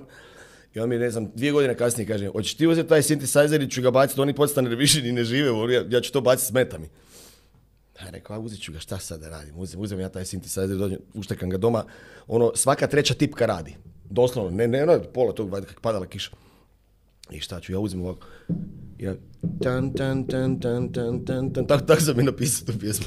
tako sam, majke mi bile. Zato što to radila. Majke mi bile, te su tipke radile i ja sam to ovako nakucao. Tan, tan, tan, tan, tan, tan, tan, tan. Slušaj, ovo, e, Bola Vukčeviću. Ne možeš vjerovat, ne. Znači, nema pjesme. A nema, da znaš, ali nema pazi ovo, pazi ako ti sve radi, brate. Ne može, da. I pazi, ja, ja, ja tu pjesmu dakle skompletiram, e, poslije sad ona već radi svoj, svoj posao i ja rekao, moram reparirati, moram popraviti ovaj sintesajzer, to on Nema zaslužuje. Ja odnesem kod majstora, kaže, on zove majstor, kaže, pa nemoj to Roland U20, pa to prastero pa to više niko živ ne svira. A još ima ono, na onom ekranu, ima jedan mali ekran, piše ti ovako Grčka, piše ti narodno. to je taj što svirao, ovaj, da, da, I ovaj mi javlja, kaže, pa skuplji ti je popravak nego ta klavijatura. Popravio. I Boga bi mi popravio. Sad rade sve tipke. A jesi pisao, znači napisao si prvo muziku pa si onda pisao tekst? Ja radim par, paralelno, znači svaki, svaki autor ima nekakav svoj način. Ja isto vremeno uh, e, pišem pjesmu i pjevam ju, dobro. ali ju pjevam na nekom, e to zvuči jako smiješno, na nekom dobro, izmišljenom engleskom jeziku. Dobro, dobro. majko. E, onda je problem poslije, kad ja to sve napišem i ispjevam, ja to je ludilo. E, onda ubaci je ž, č, će, znaš, ono engleski se want come on, baby, love. onda malo ž. znači, kreativni proces ti je na engleskom. Na izmišljenom engleskom. Dobro, pa dobro, ali to on e, bliže nego ovo... Onda materinji jezik koji ima č, č, č, lje, b, blje, ž, blje. Dobro. Dobro, daleko ste vi još. A sad kad si prvi put nekome ovaj, ispjevao to... Tango. Tango, kakva je bila reakcija? Pa, ja, meni ti je uvijek eh, lakmus papir, da tako kažem. Do, eh, moja žena i moj sad dvoje klinaca. Dobro na tu pjesmu je dobro reagirala. Imala je neku ideju da provjerim neke dijelove u sredini, rekao nema šanse. Tako da to, ali klincima kad pustim, koji su naravno, kao i svi današnji klinci, ja ne znam kako vaši, ja sam prije odrastao na, ne na ulici, nego na livadama oko, oko tih ulica, igrali smo nogomet do navečer, mama, Ivane, kući! Znaš, a danas su klinci non stop doma i gledaju crtičite, ono, bulje u to ko kreteni. I onda moje isto, naravno, ko kreteni bulje u to. I kad im pustim pjesmu, ako nakon pola minute počnu skakat i ljudi kao, e, ovo to je to. Ako nakon pol minute i dalje gledaju... Ovo je balada za B stranu albuma. Briši, delete all, nemoj uopće gubiti Ali dobar su pokazatelji, jer oni su ovaj, iskreni, apsolutno su iskreni. Tako je. Ti im pustiš to ovo je ludilo, i onda ili ne reagiraju, ništa, tate, idem dalje, piši ponovno. E, taj piši, I ovaj, kako je to kad si, kad si vlasnik tako velikog hita, kad, kad kreće svuda da se vrti? Nije loš. Kad, eh, nisam mislio na ovu biznis stranu, sad polako doćemo, doćemo. ne, ja sam mislio na pjevanje to sa publikom. Ovaj, Koliko puta morate za koncert? Više puta. Ona, aj, tango. Svirat ćemo vam, svirat vam pjesmi sa novog albuma, oni da, se ovaj, kad, kad prvi put izađe i kad se počne se vrti ono besomučno na radiju, jel malo zamrziš ti tu pjesmu ili ono napraviš neki otklon u jednom trenutku ili se onda šetiš, e, ovo će da mi donese mnogo para, neka je pušti. Pa ne, ne stvarno ne pomisliš na pare odmah. Znam, to se vrijeme se zvašta. Ali e, ne, meni, meni ta pjesma nije do, dosadila. Bilo je pjesama prije nje koje, koje su zapravo, ajmo reći, doprinjele da ta pjesma skoči tako visoko kao što je, ne znam, pjesma već s našeg prvog albuma Bilo je dobro dok je trajalo, to je pjesma koju su kod nas u Hrvatskoj, govorim, mi smo ipak bend koji je nastao poslije rata, pa su te granice bile dosta dugo za nas zatvorene, za razliku od recimo bendova kao što su bendovi Party Breakers i Jasno, imali su publiku i prije i poslije. Prije, da, psihomodo popi, to sad da ne nabrajem, jel? Nama je ipak trebalo malo više vremena da, da, da probijemo te granice, ali postojale su te neke pjesme, kažem, u Hrvatskoj. Bilo je dobro dok je trajalo Tremolo, jedan, to je pjesma koja je duet sa Damirom Urbanom. Tu sam vas ja prvi put zaključio. E, to su neke, naše pjesme koje su nas pomalo izdizale iz, iz ajmo ono, nepoznanica. I onda se desio taj tango, pa poslije toga opet duet sa, sa Masimom, nama se nikud ne žuri, pa pjesma koju sam napisao za Masima, Mali krug velikih ljudi, koja on, gdje god svira, on priča da je to znaš, naša pjesma, koja opet radi, ajmo reći, reklamu u regiji.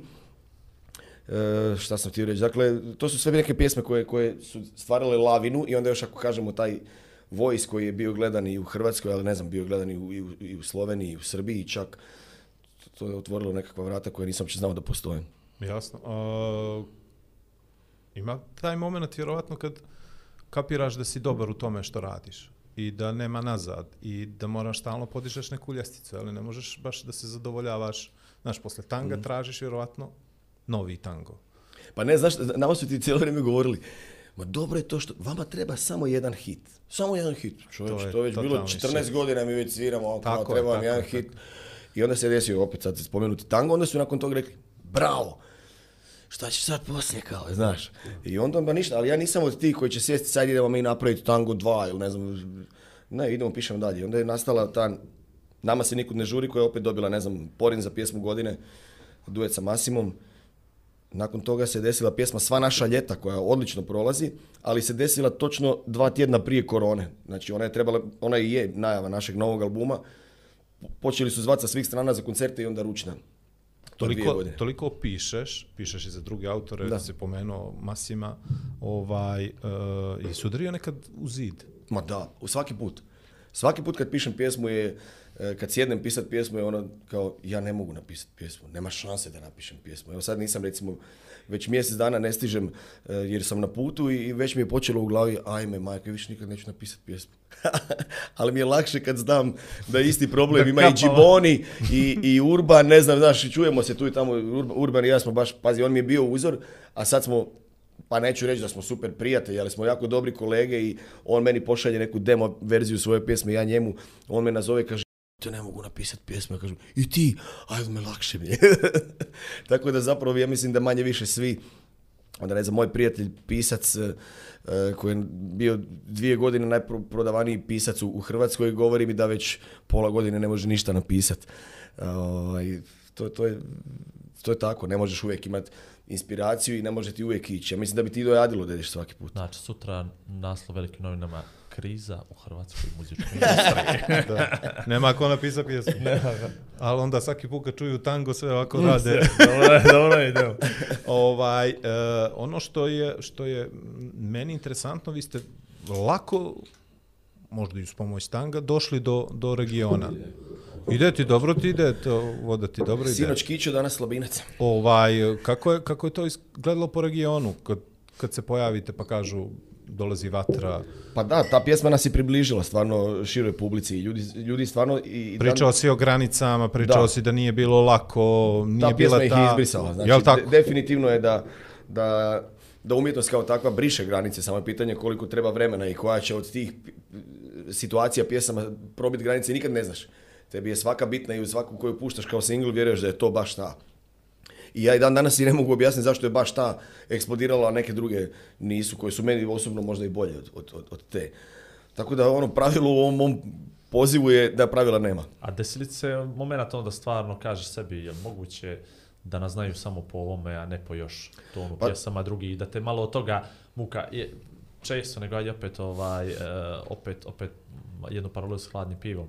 Uh, oni imaju jednu pjesmu, evo već se zaboravio koju je, koju kao, svi, kao šira publika zna i mm -hmm. oni mhm. naravno moraju da je osvire na koncertu. Uh, Zabrsko se, nije mama. Ne moju mene gledat. Nema pojma, ne znam koje, ono, samo za taj osjećaj. Baladica, ne, šta, samo za taj osjećaj, bravo. Ono, kao baladica neka koja, eto, tu je da, da. silom prilika, ali, brate, svi ono pjevaju i ja sam kao neću zinat to da pjevam, znaš, ono, kao, eto vam ga tamo. ja, ja, ja nisam, znaš, ta, ja nisam e. takav, ja, ja kad idem gledat vani strane bendove, ne znam, kad idem gledat Radiohead, meni je, glupo ako oni ne, ne odsviraju pjesmu Creep koja ih je zapravo i dovela pre, pred sve nas, znaš, ili sad nemam pojma, odem na Metallica koja ovaj kaže neću svirati Nothing Else Matters, ma daj nema me zajeba, pa nisam ja došao zbog tvog novog albuma, razumiješ? Ono? Mislim, sve ja to volim i, i sve te pjesme te dovedu do tog nekog glazbenika, ti vidiš, ne znam, ja neću nikad zaboraviti scenu kad sam došao doma, upalio MTV i na MTV ide, ide spot, onaj frajer hoda uh, Richard Ashcroft i, i band se zove The Verve i ide taj Bitter Sweet Symphony. I gledamo, ajme, šta je ovo, sad se je. I, i ja, sam ti, se depiliram. Ja, sam ti drugi dan sjeo, išao sam u, u, u Zagreb, sjeo u vlak. Došao u Zagreb, ušao u, tad su još bili CD shopovi, sad tog više ni nema. Ja sam samo napisao, imate možda ovaj band, Te Verve, ne znam ni kako se izgovara. A, Verve, imamo, da koliko imaju albuma? Šest, šest albuma, daj mi sve. I, kužiš, ja sam takav kad me nešto ono, kad odvalim, onda želim sve a, i vjerujem i ovaj, cijenim našu publiku pa smatram da ta publika onda koja nas je i čula zbog nekog, zbog neke pjesme možda malo ipak eh, si da odvoji svog vremena, vrijeme svog života i potraži još neku od tih pjesama eh, mog benda. Tako da sad stvarno gdje god dolazimo svirat, naravno da je ekstaza najveća na pjesmi tango, ali činjenica je da pjevaju i, i, i dobar dio repertoara kojeg izvodimo i evo sinoć se to u Kicu stvarno pokazalo tako. Od prve pjesme koja nam neka B-side pjesma do zadnje, svirali smo gotovo dva sata, ljudi su bili apsolutno unutra i pjevali baš svaku pjesmu. Tako da primijeti se točno kad sviraš na trgu besplatno i kad sviraš u klubu kad kartu. To mi je za te trgove je bilo, za te trgove. Fantastično, jednom je, jednom je Andrija, čini mi se, Dabanović je prokomentarisao, on je kao stand-up komičan i onda ga zovu na trg. Sad pazi, ti dođeš na trg, znaš ono, gledate neko iz publike, e, neka e. baba šeta, pored Bože, što prije, to našo za Slatku vunu, e. tata pijan, e, pije šesto pivo, mama mu Ajde Ivane, ide, Ajde. pusti me, čekam Severinu, znaš, da još Severinu malo ono ukapira, šta ću ja, ja dođem ona ovaj s plaštitim pištoljima pucaju, ovaj se već zalijepio sladoled, zabio u oko i sad ti njima sviraš koncert, znaš. A lijepo dođu u klub, prvo Spremni svi miriše, svi. Da. znaš, plate ulaz, pa onda i kad ne zna riječi, lyrics, kad te vidi. lyrics, lyrics vazda na telefon, znaš, malo. Šazam, šazam. Šazam, šazam. Pa stavimo iza nas, onaj veliki projektor i riječi idu, znaš, mi samo čitaj. no, koliko ti je zeznut repetitivni proces posle 10 albuma, da kažeš, kad znaš da ti je gotov album, u principu, imaš li ono 8 pjesama, 10 pjesama, imam, 12 pjesama, 20 nekako, pjesama, Bačiću 10. Pa ne, Koje ja, baciš? Ja, ja da bi napisao 10 pjesama moram ih barem 50 napisati da, da, da 10 to, ostane. Je teško to, da, pa, da dođe čovjek i kaže radio malo, sam na nečem? Teško ti, da, teško ti. Tri, onda, pet dana, sedam i... Onda ih uglavnom stavljam u, nekakvu ladicu, ja reći, to su zapravo neki folderi na kompjuteru i dajem im nekakav vremenski odmak. I on, tipa, pola godine.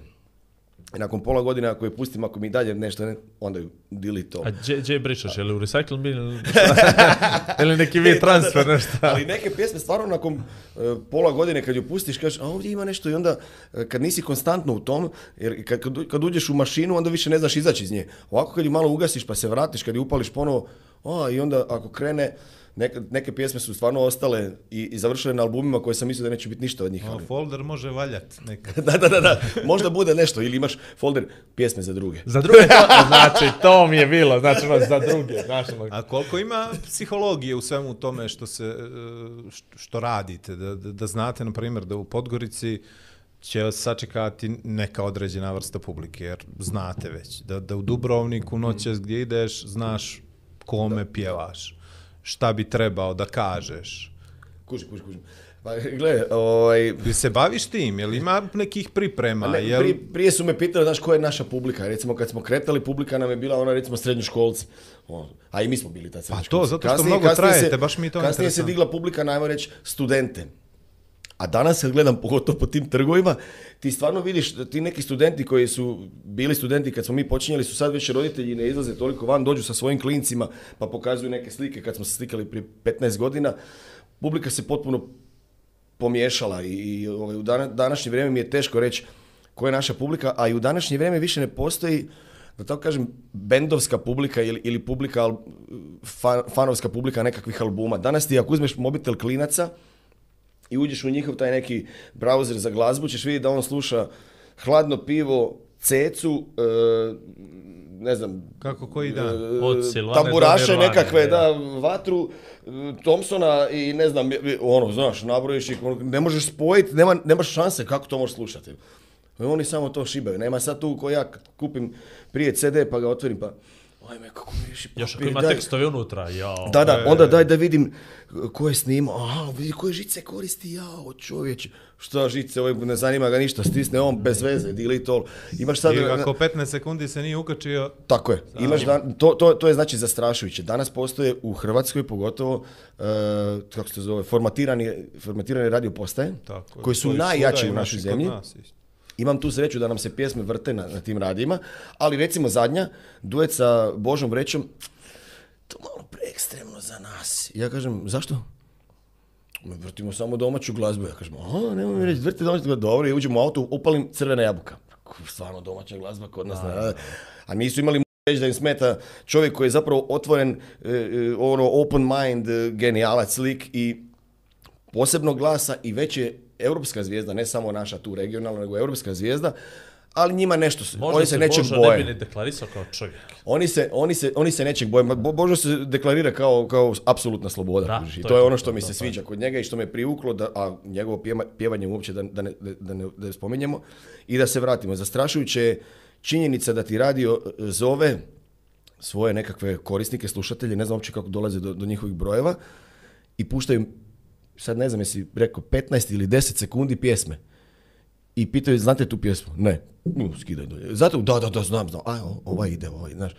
Pa Čovječ je prije radio, ja se sjećam, kad sam ja izlazio van i slušao radio, jer nije bilo interneta, postojale su top liste emisije subotom gdje ti voditelj, velika zvijezda, nikad ga vidi u životu, ali znam mu glas, i on pušta i kaže, evo ga, danas sta na broju 5, četiri, 3, na broju jedan, buf, nemam pojma.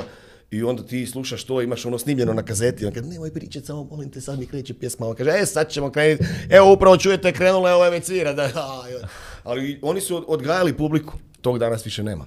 Tako je. Uvijek si imao priču prije pjesme, priču čak i u toku pjesme. Koliko nisam volio Nebojšu Vujovića zbog toga, bila je u utorkom. Aj sad kako se zvala. Gdje je bio Emisija utorkom. Sting je bio ovaj, špica uh, Englishman in New York, onaj prelaz. Ne to. Je live, baby live, jes. A ovaj, i ne može do mozga da mi dođe da se tako zvala, znaš. Ovaj, ali oni su nas edukovali, da nije bilo njih, ne bi imali pojma šta se dešava. Ovaj, tako, ovaj, vani.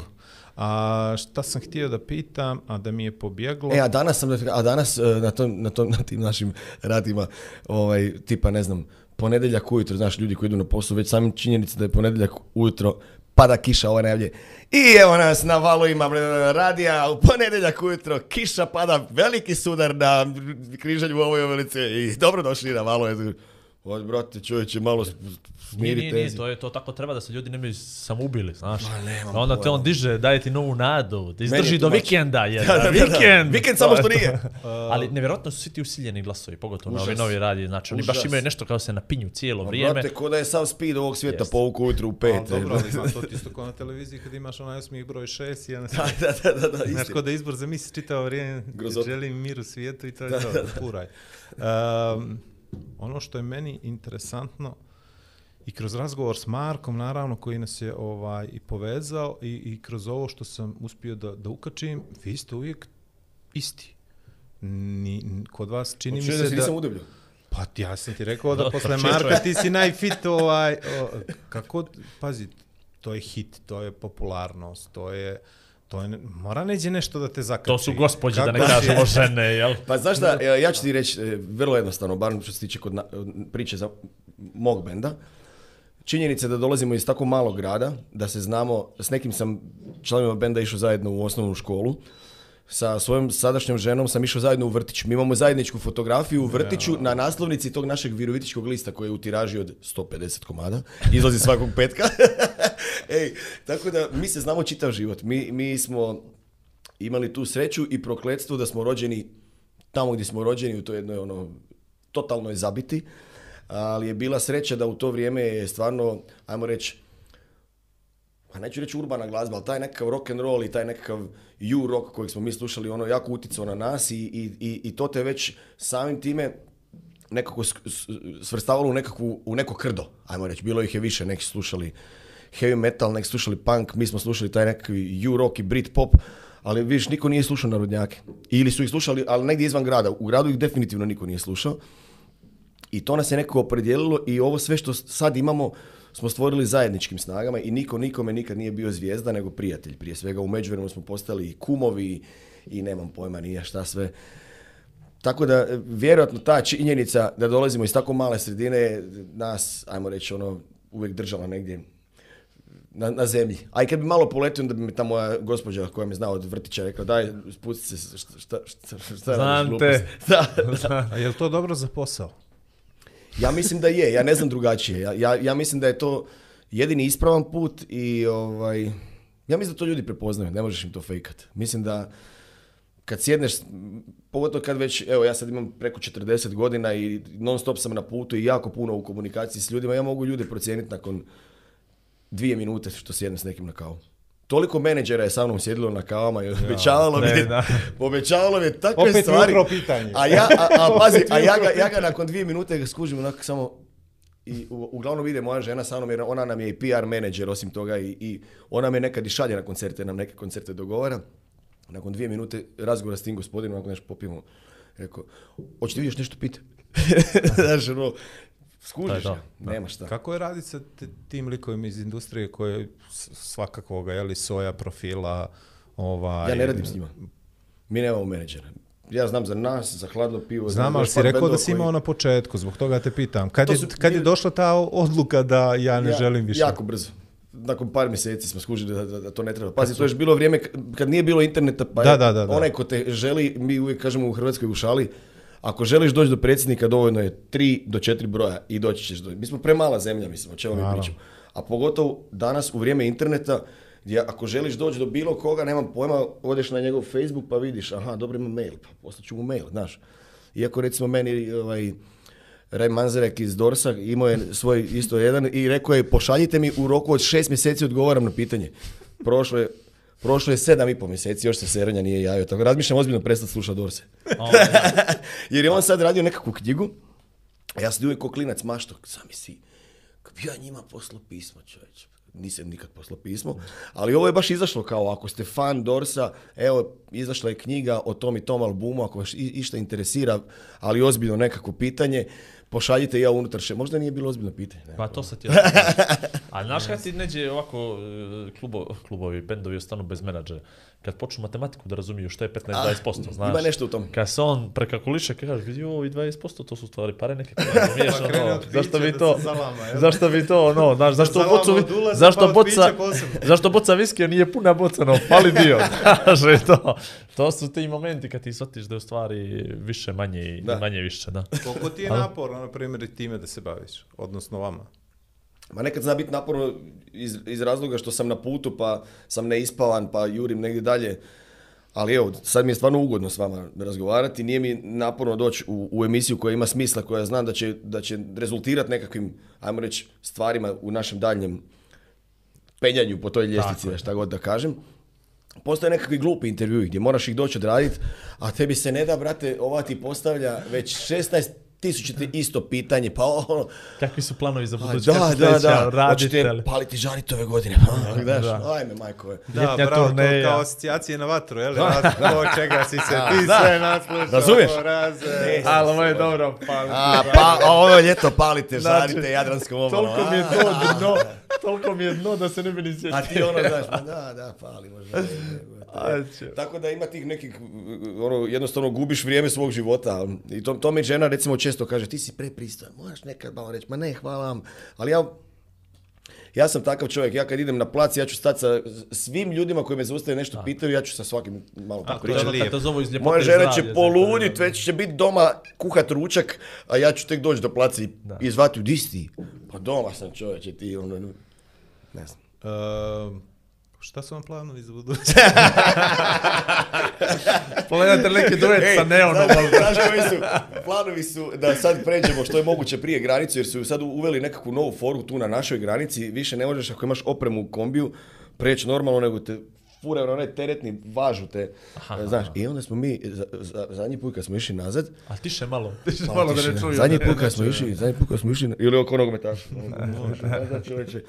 Ovi nas bace na taj teretni, ja rekao, dečki, aj van svi iz kombija, ipak je nas devet u kombiju, pa malo ćemo tu izgubiti na kelaži. Međutim, poslije smo saznali, oni uopće ne važe, oni samo moraš proći kroz taj da te snime šta ti furaš. Da. I sad dok je to trajalo, a to je trajalo jedno 45 minuta, ja kažem, jel ima tu nekakva birtija? Sad gleda ovaj naš tonac, ima kilometar i pol. Ma daj, ajmo idemo čovječe, vozimo se tri sata kroz Crnu Goru, idemo, idemo malo se prošetati. Šećemo mi kilometar, kažem on, pa sad je četiri kilometra. Pa to je u Crnoj Gori birtija kao. Ajme, majko, mila. I sad mi šećemo, mi dalje i odjednom staje ti Defender, onaj neki veliki džip. Policajac otvara prozor. Granično. Gdje ćete? Kaže ovako. Dečak, jesi to ti? Ja kažem, ba jesam gospodine, evo, kud idete? Ja kažem, ma idemo tu u birtiju, čekamo tamo. Hoćete da vas povezim? I nas, d osam zapravo, kod njega i, s njim policajka. Danas dolaze na koncert, javili su nam se i voze nas samo u birtiju, ovaj, sjeli mi i kažem, a iskreno ću vam reći, imamo kamere okolo, znaš, prelaze tu, ilegalni prelaze u granicu, dobili smo dojavu šest šiptara, hoda rubom ceste, u crno obučeni svi. ja rekao, ne, ne, i vozim ja i vidim, šiptar, šiptar. Ja, ja bio prvi, ja rekao, hvala ti, ja tebe volim isto. Tako da, evo, uz planovi za budućnost da, da pređemo da granicu. I da ne budete šiptari za promjenu. A vidi, ovo je, ovo je lijep, lijep prelaz ovaj, ono da ono dalje što nas čeka. Dakle, živjeti u Europskoj uniji. Hoće vlada da priča malo o tantijenama, malo o eurićima, a ja bi se vratio na epizodu sa tvojim prehodnikom ovdje, kad smo zapravo, naša ideja da ti gostuješ, evo, evo, evo istina. Marko odmah ispada da ovaj. je stvari. se pomenuo par odmah Rock roulette, rock rulete, da nije baby like. Zapravo, dakle. ideja nam je bila da mi testiramo, da dovedemo čovjeka sa strane, da vidimo oni klikovi na YouTube, hoće li na više monetizacije upanut kad nas gledaju iz Europske unije, jer ovo s crnogorcima to djeo popio ne valja. Znači, mi smo ti sad, nemo, evo Vlado, Vlado gleda live. Gledali ste, ajde, pa ja, sam, ja sam vas i, zapravo ukapirao prvi put kad sam došao. Jesi, jel na TV? gledao sam vas na TV. Da, ono. ali nama samo ono YouTube je monetizacija. znaš, totalno e, nam se, raspade nam se ovaj YouTube kanal od kako smo prešli na TV, znaš. I sad... I onda ljudi ne klikaju i nemamo para od reklama. E. I onda je bila ideja, ajde dovedemo nekoga sa strane, jer tamo pa da povuče vaš malo. klik, vaš klik vrijedi više. Vaš klik, naš novac. Vaš klik vrijedi više. Tako je. A onda neđe razmišlja, imaju tamo ta neki ljudi po dijaspori Hrvatskoj koji e, neđe tebe vole, gledaju, da, znaš. Da, da. A te ko, znači šveđani, šveđani kad klikne. Pa to je, brate, 4 eura ka ništa. Znaš kako putuje e. taj signal do, do Australije. To, to, se, to se lijepo. A mi inače trajemo dva sata da bi se više reklama zavrćela. Pa naravno, pametni ljudi. I realno, evo, 1.29, to je upitno koliko je pametno. 8 eura i 51 cent. Ajde, Nakupilo se. Pa nije loše čovječ. Za tri mjeseca. I reci mi se, evo, A dobro, vidi! Ne znam što si mislio, ali do nove godine je plana 30 da izađemo. ali svaki mjesec euro. A znaš kakvi su? neoporezovanje? A, cok. Ovaj, A reci ti, ovaj, je to prije, isto tako s Ovaj, aj se, ja sam mislio prije, da prije tantijema, da imamo to lipu priču o parama za kraj, ovo, znaš, da nas boli više kad, kad ode čovjek, znaš. Ne, da, da mi pa ćemo, da mislim. Mi ćemo, kad da, mi, mi, mi ćemo, znaš, ono kako, kako se priča uvijek za onim što izađe preko vrata. Da, ono- da, da, da. Tako ćemo mi, koliko imaš para, znaš, računat kad odeš. se. I da upalimo Digitron, jer to ne možemo ovako. Ovaj. Da, da, znaš, prvi, ono kad, kad si na nogometu poslije s ekipom, sve je super, ono treće poluvreme najduže traje. I onda se ovaj diže i ovdje Zbog njega smo izgubili. to, to, to, to, ovaj, eh, i, i, i, Dečak. Kako je to? Pa, mi smo se skužili ovdje na, na vašem glavnom trgu, ja mislim da je to bila 2019. Ja, ako se ne varam, 2019. tako ja mislim da. Svirali smo, koncert dečki su svirali eh, prije nas, jer su žurili na još jednu gažu gdje su u gradu imali. I mi smo se upoznali, ta nekakva iskra je odmah se desila ja sam u njima zapravo vidio ko nešto ono što smo mi imali na, na tim nekim našim počecima, tu jednu iskrenost, tu ono nevjerojatnu energiju i ljubav prema glazbi i, i dobrotu. Meni se stvarno, ja sam Crnu Goru doživio i Podgoricu pogotovo baš kroz njih. Oni su nam i pokazali neka mjesta u gradu, upoznali s nekim ljudima i moram priznati da se osjećam stvarno, to sam sinoć rekao u Kicu, ko da sam doma. Evo, nevjerojatno. Ovaj, tako da ja sam presretan da, da, smo, da smo se upoznali i da se družimo i da se čujemo gotovo svakodnevno i da sam gost na njihovoj novoj pjesmi koja mi je apsolutno fenomenalna i ja kažem u šali, nažalost, bit će apsolutno uvijek aktualna na ovim prostorima. Pa jer u, na ovim prostorima e, bivše Jugoslavije uvijek se nešto kuha. E, a ova pjesma upravo govori o tom da se, da se kuha i previše, tako da A kako ti je to, na primjer, kad ti Ilija je pisao, koliko znam, ovaj, e, e, pjesmu, kako je to kad ti dođe neko i kaže, e, ovo ćeš ti sad da od mi, mi, smo se dogovorili ko će koji dio pjevati, to je bilo jako jednostavno i... E, i ne nego ili ti neobično, s obzirom da sve se, pa, moram se pre... da, ja se moram prepoznati u pjesmi. Meni stvarno e sad bez neke ono lažne skromnosti stiže na taj naš Eh, mail vatra 1234. o, ovaj, stiže ba, gotovo svakodnevno te pjesme. E, ljudi, da si, razmijenit ćemo broje pa ćemo tu i tamo poslat neku da vidite šta ljudi šalju, majko mila. A što, da gostuješ? Kao, ja, ne, ne, ne, da ja njihovu pjesmu pjevam ili da mi budem gost. Da, da, bude, da, da tekst za album. Da, da uzmem tekst za album. Uf. I, E, ja sam uzeo taj dio njihove, ovo nije moja pjesma, ovo nije moj stih. rekao, to je to, odmah sam se ugradio. Ali u njihovoj sam se definitivno prepoznao i bilo mi je jako jednostavno i bilo mi je... Gušt mi je bio. Ja sam čak sjeo u auto i došao sam ovdje snimiti spot. Ovaj, Marko me prvo zvao kao, srećemo ti avion. Ma nemojte avion. Što ne, pa srećemo. Ma nemoj, ma doći auto. Boj, bojiš se letenja. Ma ne, ja, ma nema šanse. Kaže Marko, ma čuo sam ti u glasu, čim si rekao nemojte. Ja imam užasnu fobiju od aviona, tako da autom sam došao. Dobro, znamo znači, to bit će regionalni ono- bend i dalje. Znači, da, da, da, da. bit će regionalni Nema, band. regionalni ono dokle može dobače s rezervarom, znaš ono. ja. Denis Berkamp, to, to, to. E, eto, A, prepliva i to. Ovaj, e, znači, zadovoljan si na kraju, kako to ispalo? Jesam, evo, da kucam u drvo, iako Toncu ću ići na živce, ali moram. Evo ga već ovo. Dobro. Čukljivo drvo. Čukljivo drvo. Ko je? Ovaj, e, e pa ono što sam ja htio da te pitam, stvarno ima veze sa ovom Evropskom unijom i tantijemama, jel, jel osjećaš ti da ste vi bolji ljudi od kako ste ušli u Evropsku uniju, pošto je to najaktuelnija tema u Crnoj Gori godinama i kad god imamo nekoga koji ima taj dodir sa Evropskom unijom, a tu smo imali jednog reditelja koji je ovaj živi u Zagrebu, stvari sad studira i, i snima ovaj dokumentarac Crnogorac, ali trenutno je tamo, jel, osjećaš se ti dobro u Evropskoj uniji? Ja osjećam da vruće to, ovaj štedi struju, znaš, mi u Evropskoj, mi van Evropske unije štedimo struju. Pa ja mislim da dobrota ljudi nema veze uopće sa, sa područjem od kud dolaziš. Mislim da dobrih ljudi ima stvarno, i ne da mislim, znam, ima ih i u Crnoj Gori, i u Srbiji, i u Bosni, i boljih nego, nego u Hrvatskoj, tako da to nema veze sa, kako to misliš da ima dobrih ljudi u Srbiji? Jesi li ti to ironičan?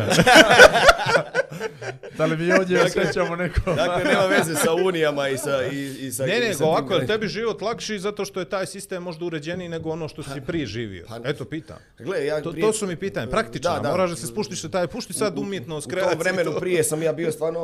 Uh, dijete, tako da sam živio od, od roditeljskih honorara, tako reći, od njihovih plaća ha za, za, za, drugačije nego što ovo sad imam, ja ni ne znam. Tako da, ja, ja sam nekako ono, od, odrastao i to je postao ono, čovjek koji privređuje baš u tom kapitalizmu, tako da ja, ne znam za drugo. A da je on ono, da, da melje, melje. Jer svaki dan traži da si non stop u pogonu, da, da nema pauze, nema odmora. To je tako. Koliko možeš sebi, kad već pomenu odmor, koliko možeš sebi da obezbijediš odmora s obzirom da se da živiš od profesije. I realno je da radiš za novu godinu. I realno, realno je da radiš za reprizu. Za, za prazi, tako I reprizu nove e, godine. E, oni nemaju srpsku novu godinu. Ja Kaže se pravoslavna. Pravo, tako, pa dobro, A pa dobro, prosti, ono, molite. Ne znam, da, možda ima dobro. za Božić da Dobro, kad radiš ono što voliš, ne radiš nijedan dan. da, da, da, strašna priča. To je strašna. to. Zato su naši dva molka da je nose. Bravo. bi ja tebe dva bukom. To je zbog ruke, to je zbog ruku. Sada čuva ruke. Jednog istovari, jednog otvori kaže ti radiš ono što voliš. Mitna se bavimo A e, ljeto, je li to stvarno gaženje gažama? Je, je ljeto je. Je, to počne sad stvarno? Ovaj, Palimo i žarimo to stvarno sad počne, na primjer, to maj, jeste vi sad ono krenuli i završavate neđe... Pa tamo negdje krajem devetog mjeseca, da. Jel? To se non stop svira, da. Ali nije to, mislim, znaš šta, nemaš više one turneje da si ti sad 15 dana za redom. Ti si 3 dana, 4 dana na putu, pa se odmoriš na 3 dana, pa opet. Tako da, nije strašno. Uh, pare na ruke? Ili da sve to. Ne, pa to, to pitam. Evo, kod nas je to još uvijek... vidi što je ta razlika između Europske unije, što nema da, solarno. Nema, nema solarno. Nema Ali ono što je interesantno, evo, i za Srbiju, za Hrvatsku, to je da ni jedni ni drugi nemate eure, ali ne smeta vam da pričate u eurima. mi ovaj, sve računamo u eurima, ali nemamo eure. A ste od nove godine, je li tako? Ja mislim da da. Ja mislim da, što prije to bolje, ako me pitaš. Da.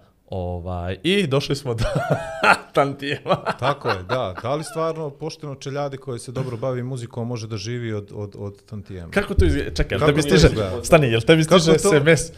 dobro, ne moraš sad, slažite, te, daj, reci tri puta manje nego što je se. Pazi što je uzeo, Steve Jobsa, vrati. Znači, da kao nenamjerno. Ali stvarno mi Ovaj, e, Koliko, na primjer, koliko, na primjer, evo, nekom bendu koji ima jedan hit, na primjer, evo, ubode neko iz Hrvatske tango, lupa. Ha, nema pojma, to ti vrlo brzo se to e, smanji, e, ako ne pišeš konstantno, smanjiti se ti tantijemi, tako da moraš biti non stop, kao što sam rekao, kao u kapitalizmu, moraš non stop pisati. Znači, bukvalno ti ne možeš ono samo sebi da, da dozvoliš kao što, na primjer, mogu, ne znam, lupam, neki veliki koji su britanske zvijezde, američke zvijezde, koji zabodu dva hita za života i kažu do, idem na pet sam. Ne mogu, ja, ja sam uspio od, od svoje glazbe kupiti si stan u Zagrebu, kupiti si auto i otići održavati vikendicu obiteljsku na moru i to je to. Ali meni ne treba više, meni to sasvim. Dobro, meni je jasno da si ti takav da, i da ti ne treba više, nego mi interesuje samo kako funkcioniše taj sistem. Znaš, zato što mi, smo dobro zaštićeni e, tom e, krovnom organizacijom koja se zove ZAMP.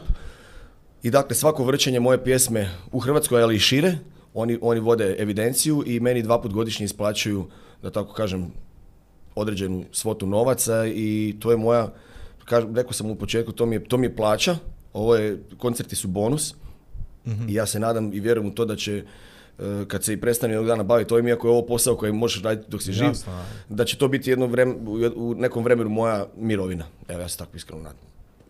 To je sasvim ok, e, mislim, kad proučimo nečiju godišnju plaću i, i, A dobro, i te moje da trajete 23 godine ili koliko si rekao, to je potpuno ok da odeš u penziju i da dobijaš u stvari penziju. A dobro, ne nego u jednom trenutku kad, ovaj, da, da računaš na penziju pa posle tog mukotrpnog bavljenja muzikom. to bi bilo ja, lijepo, da, da. Iako ja ne razmišljam o penziji, mislim kad gledam Stones, oni imaju tisuću godina.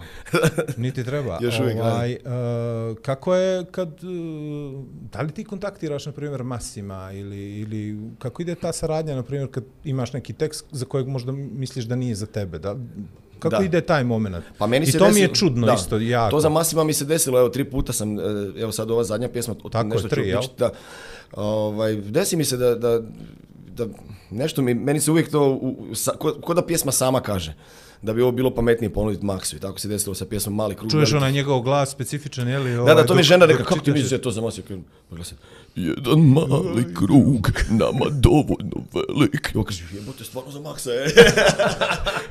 I onda mu ja pošaljem pjesmu i on, stvarno odmah je reagirao. I e, zapravo ja sam mu ujavio da imam jednu pjesmu za njega, on je rekao, dobro, reci mi kako se zove pjesma. Ja kažem, Max, pjesma se zove Mali krug velikih ljudi. Uzimam, uzimam.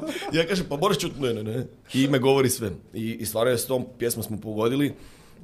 E, ona je čak prošla e, na izbor za, za, kao da bude predstavnik Hrvatske za Euroviziju, a mi smo ju povukli, nismo htjeli to. Smatrali smo da ta pjesma treba imati nekakav drugi put do publike. Da ostane evergreen, otprilike, ja? Pa, daj Bože. pa dobro, meni vuče to ono što na to. Ono. A reci mi, kapali od nje? od nje, pa nje curi. od nje curi, od nje ne kapa. sad, sam, sad sam, reći ću vam zapravo jednu ekskluzivu jer pjesma izlazi za jedno 5-6 dana. Čekaj, čekaj, e. ovdje da, emitovanja i jedan dan. ne, ovaj će, ovaj će da ide drugi dio tamo za 15 dana. A, dobro. ne, ne, znači, u stvari za 7 dana. Ne, za 7 dana, za 7, u sredu, sledeću drugi dio. A, dobro, e, pa, a ne, na YouTube ko gledo, sutra. Ono, e, e, tako, na YouTube, znači. Dobro, dobro, onda za tjedan dana. Pušti slobodno. Izlazi, izlazi novi single Masima, a ja sam imao tu sreću da mi je e, žena pokojnog Rajka Dujmića, dakle frontmana pjesma, e, benda Novi Fosili, ovaj, poslala jednu njegovu pjesmu gdje on zapravo svira doma u svom dnevnom boravku. I on je nešto samo izgovori, ej, zamisli. I ja sam zapravo napisao kompletnu pjesmu na tu njegovu riječ, izgovorenu i na te njegove akorde. I to će biti nova pjesma Masima Savića.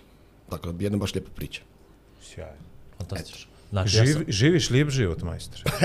A, pa ne, ozbiljno, ispunili si sve svoje neke Ma, dječačke, snove. snove, da. Ovaj, e, dešava ti se ono baš što želiš, na svom si mjestu, ne razmišljaš o nečemu, ne znam, nija van planetarnom i šta, kakvu god primiš senzaciju, tebi, tebi lijepo. Ovaj, kako... meni žena jedino kaže da ne znam uživati u trenutku, nego ja non stop razmišljam o nečem šta ćemo raditi sljedeći, kako pa to, sad. htio sam sad te pitam, gdje ti je mračna tajna, ono, šta se dešava? Se, previše si mi savršen Ma, nisam za nekoga sa ove...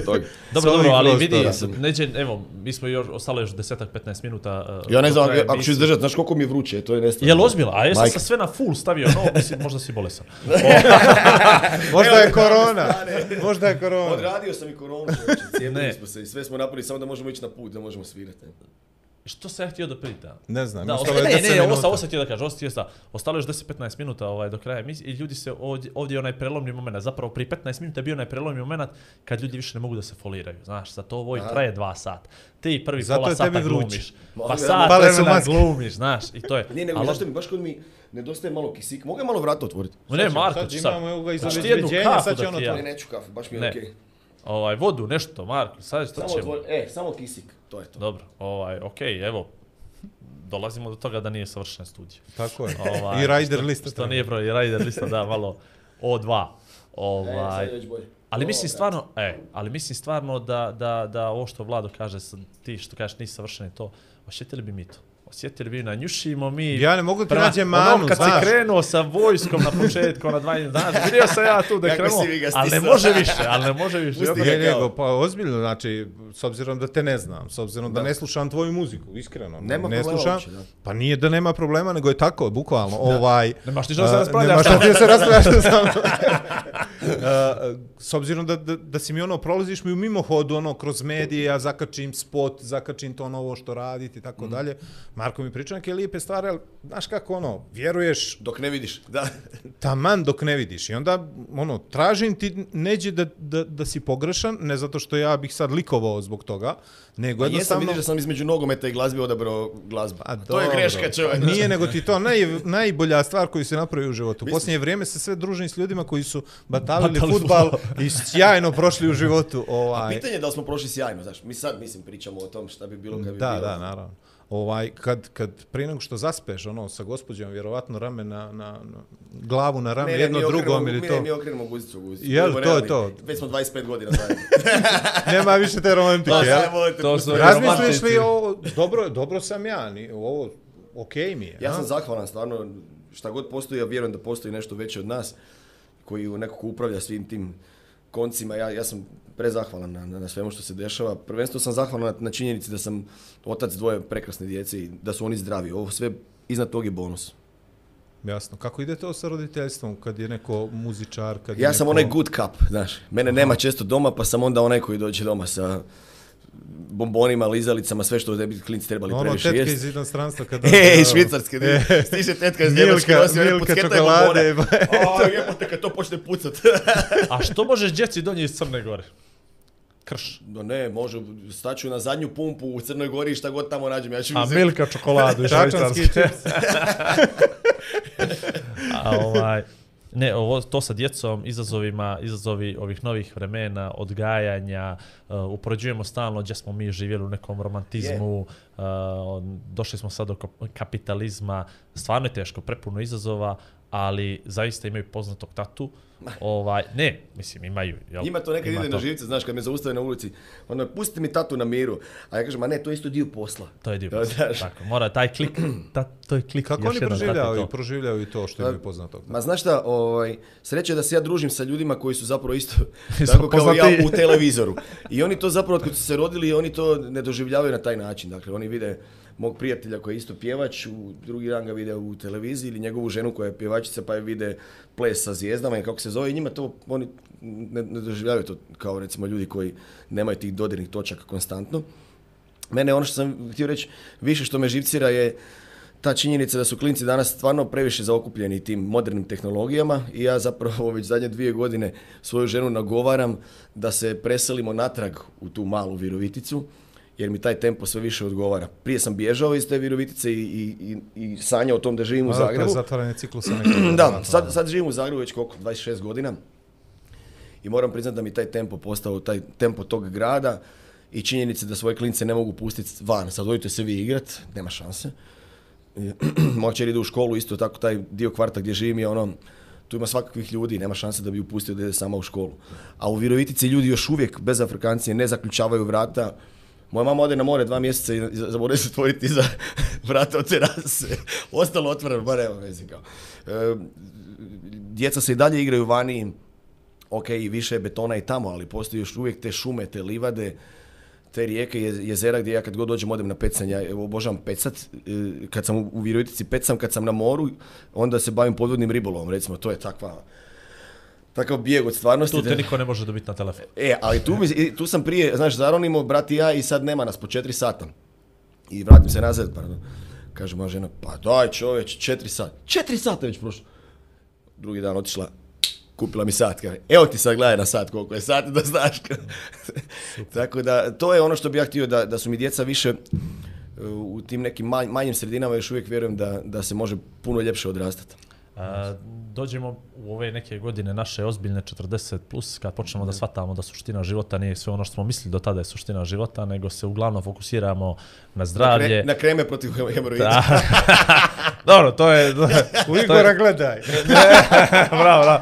A, a vlada cijelo vrijeme sjedi šedi, znaš. A ja pa, pa samo ga klinički. A ja I ovaj, stvarno počinjemo... Strašnih jastuka ima. Ne, počinjemo, stvarno puno pažnje da pridajemo tome sva tamo značaj. Naravno, ne, pokušavamo da utičemo na djecu koja to sve ne kapiraju i onda neki svojim primjerima stavljamo i do znanja šta u stvari treba. Uh, prokomentarisao si zato čiš. Daj samo par rečenica o tvom trčanju. To je rekreativno trčanje, potpuno, eh, koji sad koristiš pace uglavnom, koje su ti dužine, radiš li dužine subotom ili neđeljom i ovaj, radiš li fartleke generalno ili više voliš intervale? Evo, koristim Garminov sat i da. trčim nekih 4-5 puta tjednom, ovisi koliko sam doma a dužine nisu neke prevelike, to je od 6 do 10 km. No, to je sasvim respektabilno. Tempo je nekih 5,5 minuta kilometar. To, je fantastično sve. I na šta, si, šta, šta voliš da trčiš? Jesi trčao neka polumaratone, desetke, ne, to učestvuješ na tim masovnim? Trčim sam, sam, sam. volim trčati sam i trčim trails, dakle ono, trčim nekakve šume. A na neke trke si učestvovao? Nema šanse. U kom smislu nema šanse? Ne, ne zanima me to. Ne zanima me to. Volim trčati sam, biti sam sa sobom. Nekad kad trčim, e, pričam sam sa sobom na glas, to je fenomenalno. Nađimo ti greške. Znači, ja ne mogu... Ne, pazi, ovo mu je greška, pazi, ovo mu je greška. Ja organizujem i trail event u Crnoj Gori, ja organizujem i petice, i desetke, i, i 21, i 42, i ultramaraton, i sve to. I ja ovako jednog čovjeka bi valjalo imat. Mislim, samo zbog klika. Sad maloga dolje, šta? Šta? Sad si imao maloga na ocean lavu, šta? E, maloga si imao na lavu, bravo, bravo. si nišu maloga. Ovaj, stvarno bi, stvarno bi ajde, do, za tebe znaš, da dođeš na jedan event, da vidim da te mi crnogorski gostimo, a onda ti se možda i svidi, znaš. Ajde, I onda, bić, nikad ne reci nikad. nikad ne reci ali dobro, to mi interesuje, ali stvarno respekt i za, i za dužinu, i za pace. Pa nije to ništa puno. Ne, ne, nemoj to tako, to ja tako isto pričam, kad drugi pa drugi meni, ovaj, ali stvarno to su... To Ganjem su, ove godine, znaš, ja se, prošle godine sam se stvarno zaljubio to, ali onda sam tek počeo trčati u trećem mjesecu, istrčao sam nekih imam točno na mobitelu 670 km recimo, a sad pokušavam istrčati 1000, ali gledajući svoj tempo i sve to skupa, fali će mi jedno 100 km. A ne, ok, to su, ali to je, to je lipa gradacija, ne brini ništa, sve se to gomila, neđe sve to mišići pante i je, je, to će samo Žena mi pohvala, kaže, konačno jedna pločica. Jedna, bravo, bravo, bravo. Osim onih ovaj, eh, da se vratimo na tu epizodu koja je meni isto interesantna jer sam gledao, pošto sam ja fan svih ovih pjevačkih show programa, mhm. ovaj, eh, Voice šta si sve naučio iz Vojsa? To je čudo. Vezano za pedagoški moment, jer moraš da biraš da. riječi. Čini mi se da u nekim situacijama je bilo ono, baš šta ću da kažem, kome, kako, jer postoje onaj moment javnog blama je na, na TV ekranu koji posle ta osoba ne može da izbriše pa šta god bilo. Da, ali ta, e, ta priča oko Vojsa je specifična jer Voice nije nikakav freak show.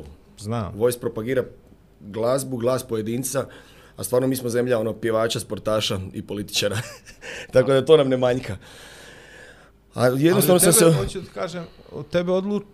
od vas, a ti si jedan članova žirija, odlučuju se životi, recimo, karijere, znaš. Da, da, Ima taj jedan moment, ako ti kažeš za njega da je dobar, ko zna koliko ljudi će pomisliti da, da Ili da je da. možda malo bolji Igor od vlade ili vlada od Igora. Kužim. Kako je tu pa nekako pokušavaš s njima zapravo pričati i prije nego što krenu ti ta snimanja, mi se s njima već ono, zapravo ne, lažem, ne upoznamo se s njima prije nego što ih tako odaberemo za svoje e, timove, da, ali onda s njima sjediš, radiš te probe, pokušaj im zapravo objasniti da neće svijest stati ako, ako ti sad i pobjediš, ali i ako izgubiš. Mislim, nema zapravo gubitaka ni pobjednika u ovom čim se ja bavim. To nije naticanje sad ono, znaš, ja sam prvi, ne možeš biti prvi. To, znaš, tu smo svi nekako jednaki, a Voice je lansirna rampa koja ti može omogućiti puno toga, ali džaba ako ne znaš letiti, mislim, ono, vrlo brzo ćeš se zalijepiti za pod. I zapravo, e, svi ti pjevači tih šova, niko, niko nije poslije napravio nekakvu veliku karijeru. Tako da to je zabava, to je zabava za jedno vrijeme, ajmo reći.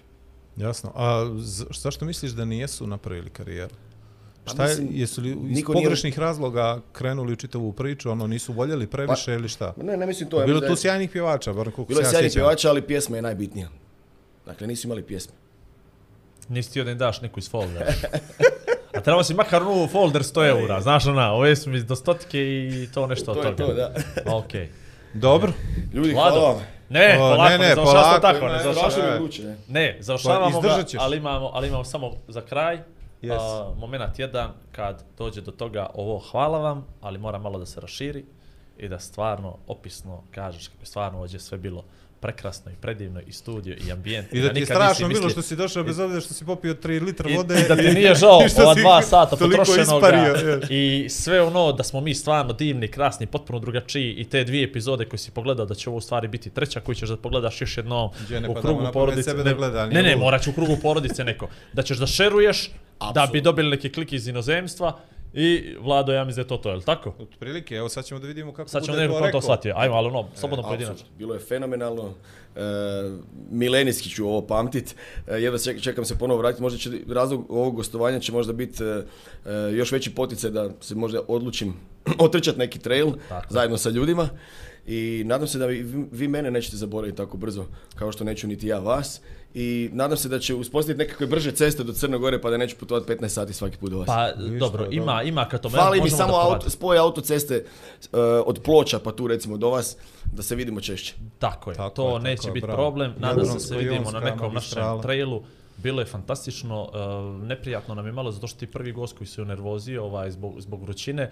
Uh, mislit ćemo o tome u buduće više kako da oladimo ovaj, ovaj prostor, da izmjestimo jednu klimu tamo u režiju da dobaci, Tako. ali Vlado, mene ovo bilo potpuno korektno. Pa meni je drago da sam upoznao čovjeka ovaj, koji ima toliko, toliko, ovaj, toliko ima da, i, za sebe, jer ti imaš najviše albuma od svih ovih što su nam gostovali.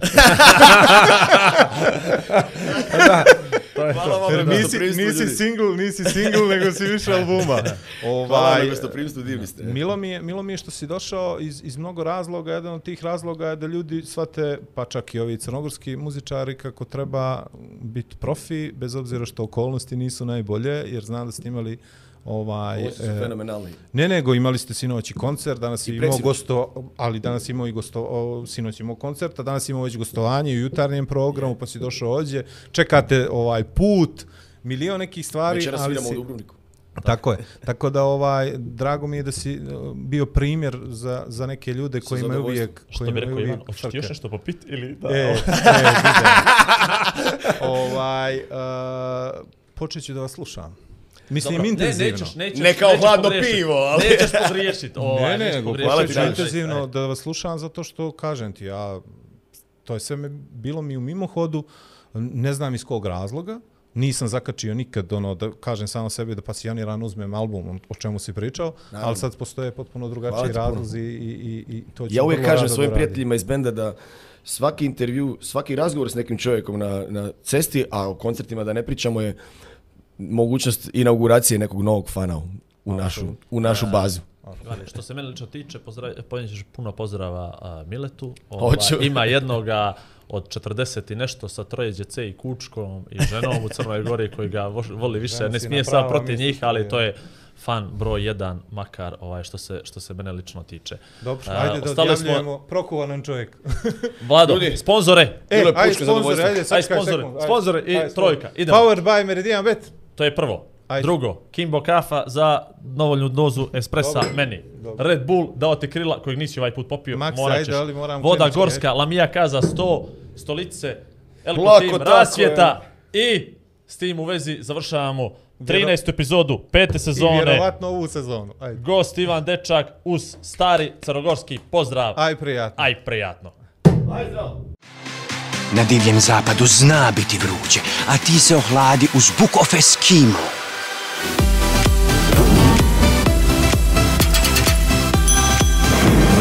Osjeti strast, Expense cigara. Samo na Meridian Online Casino.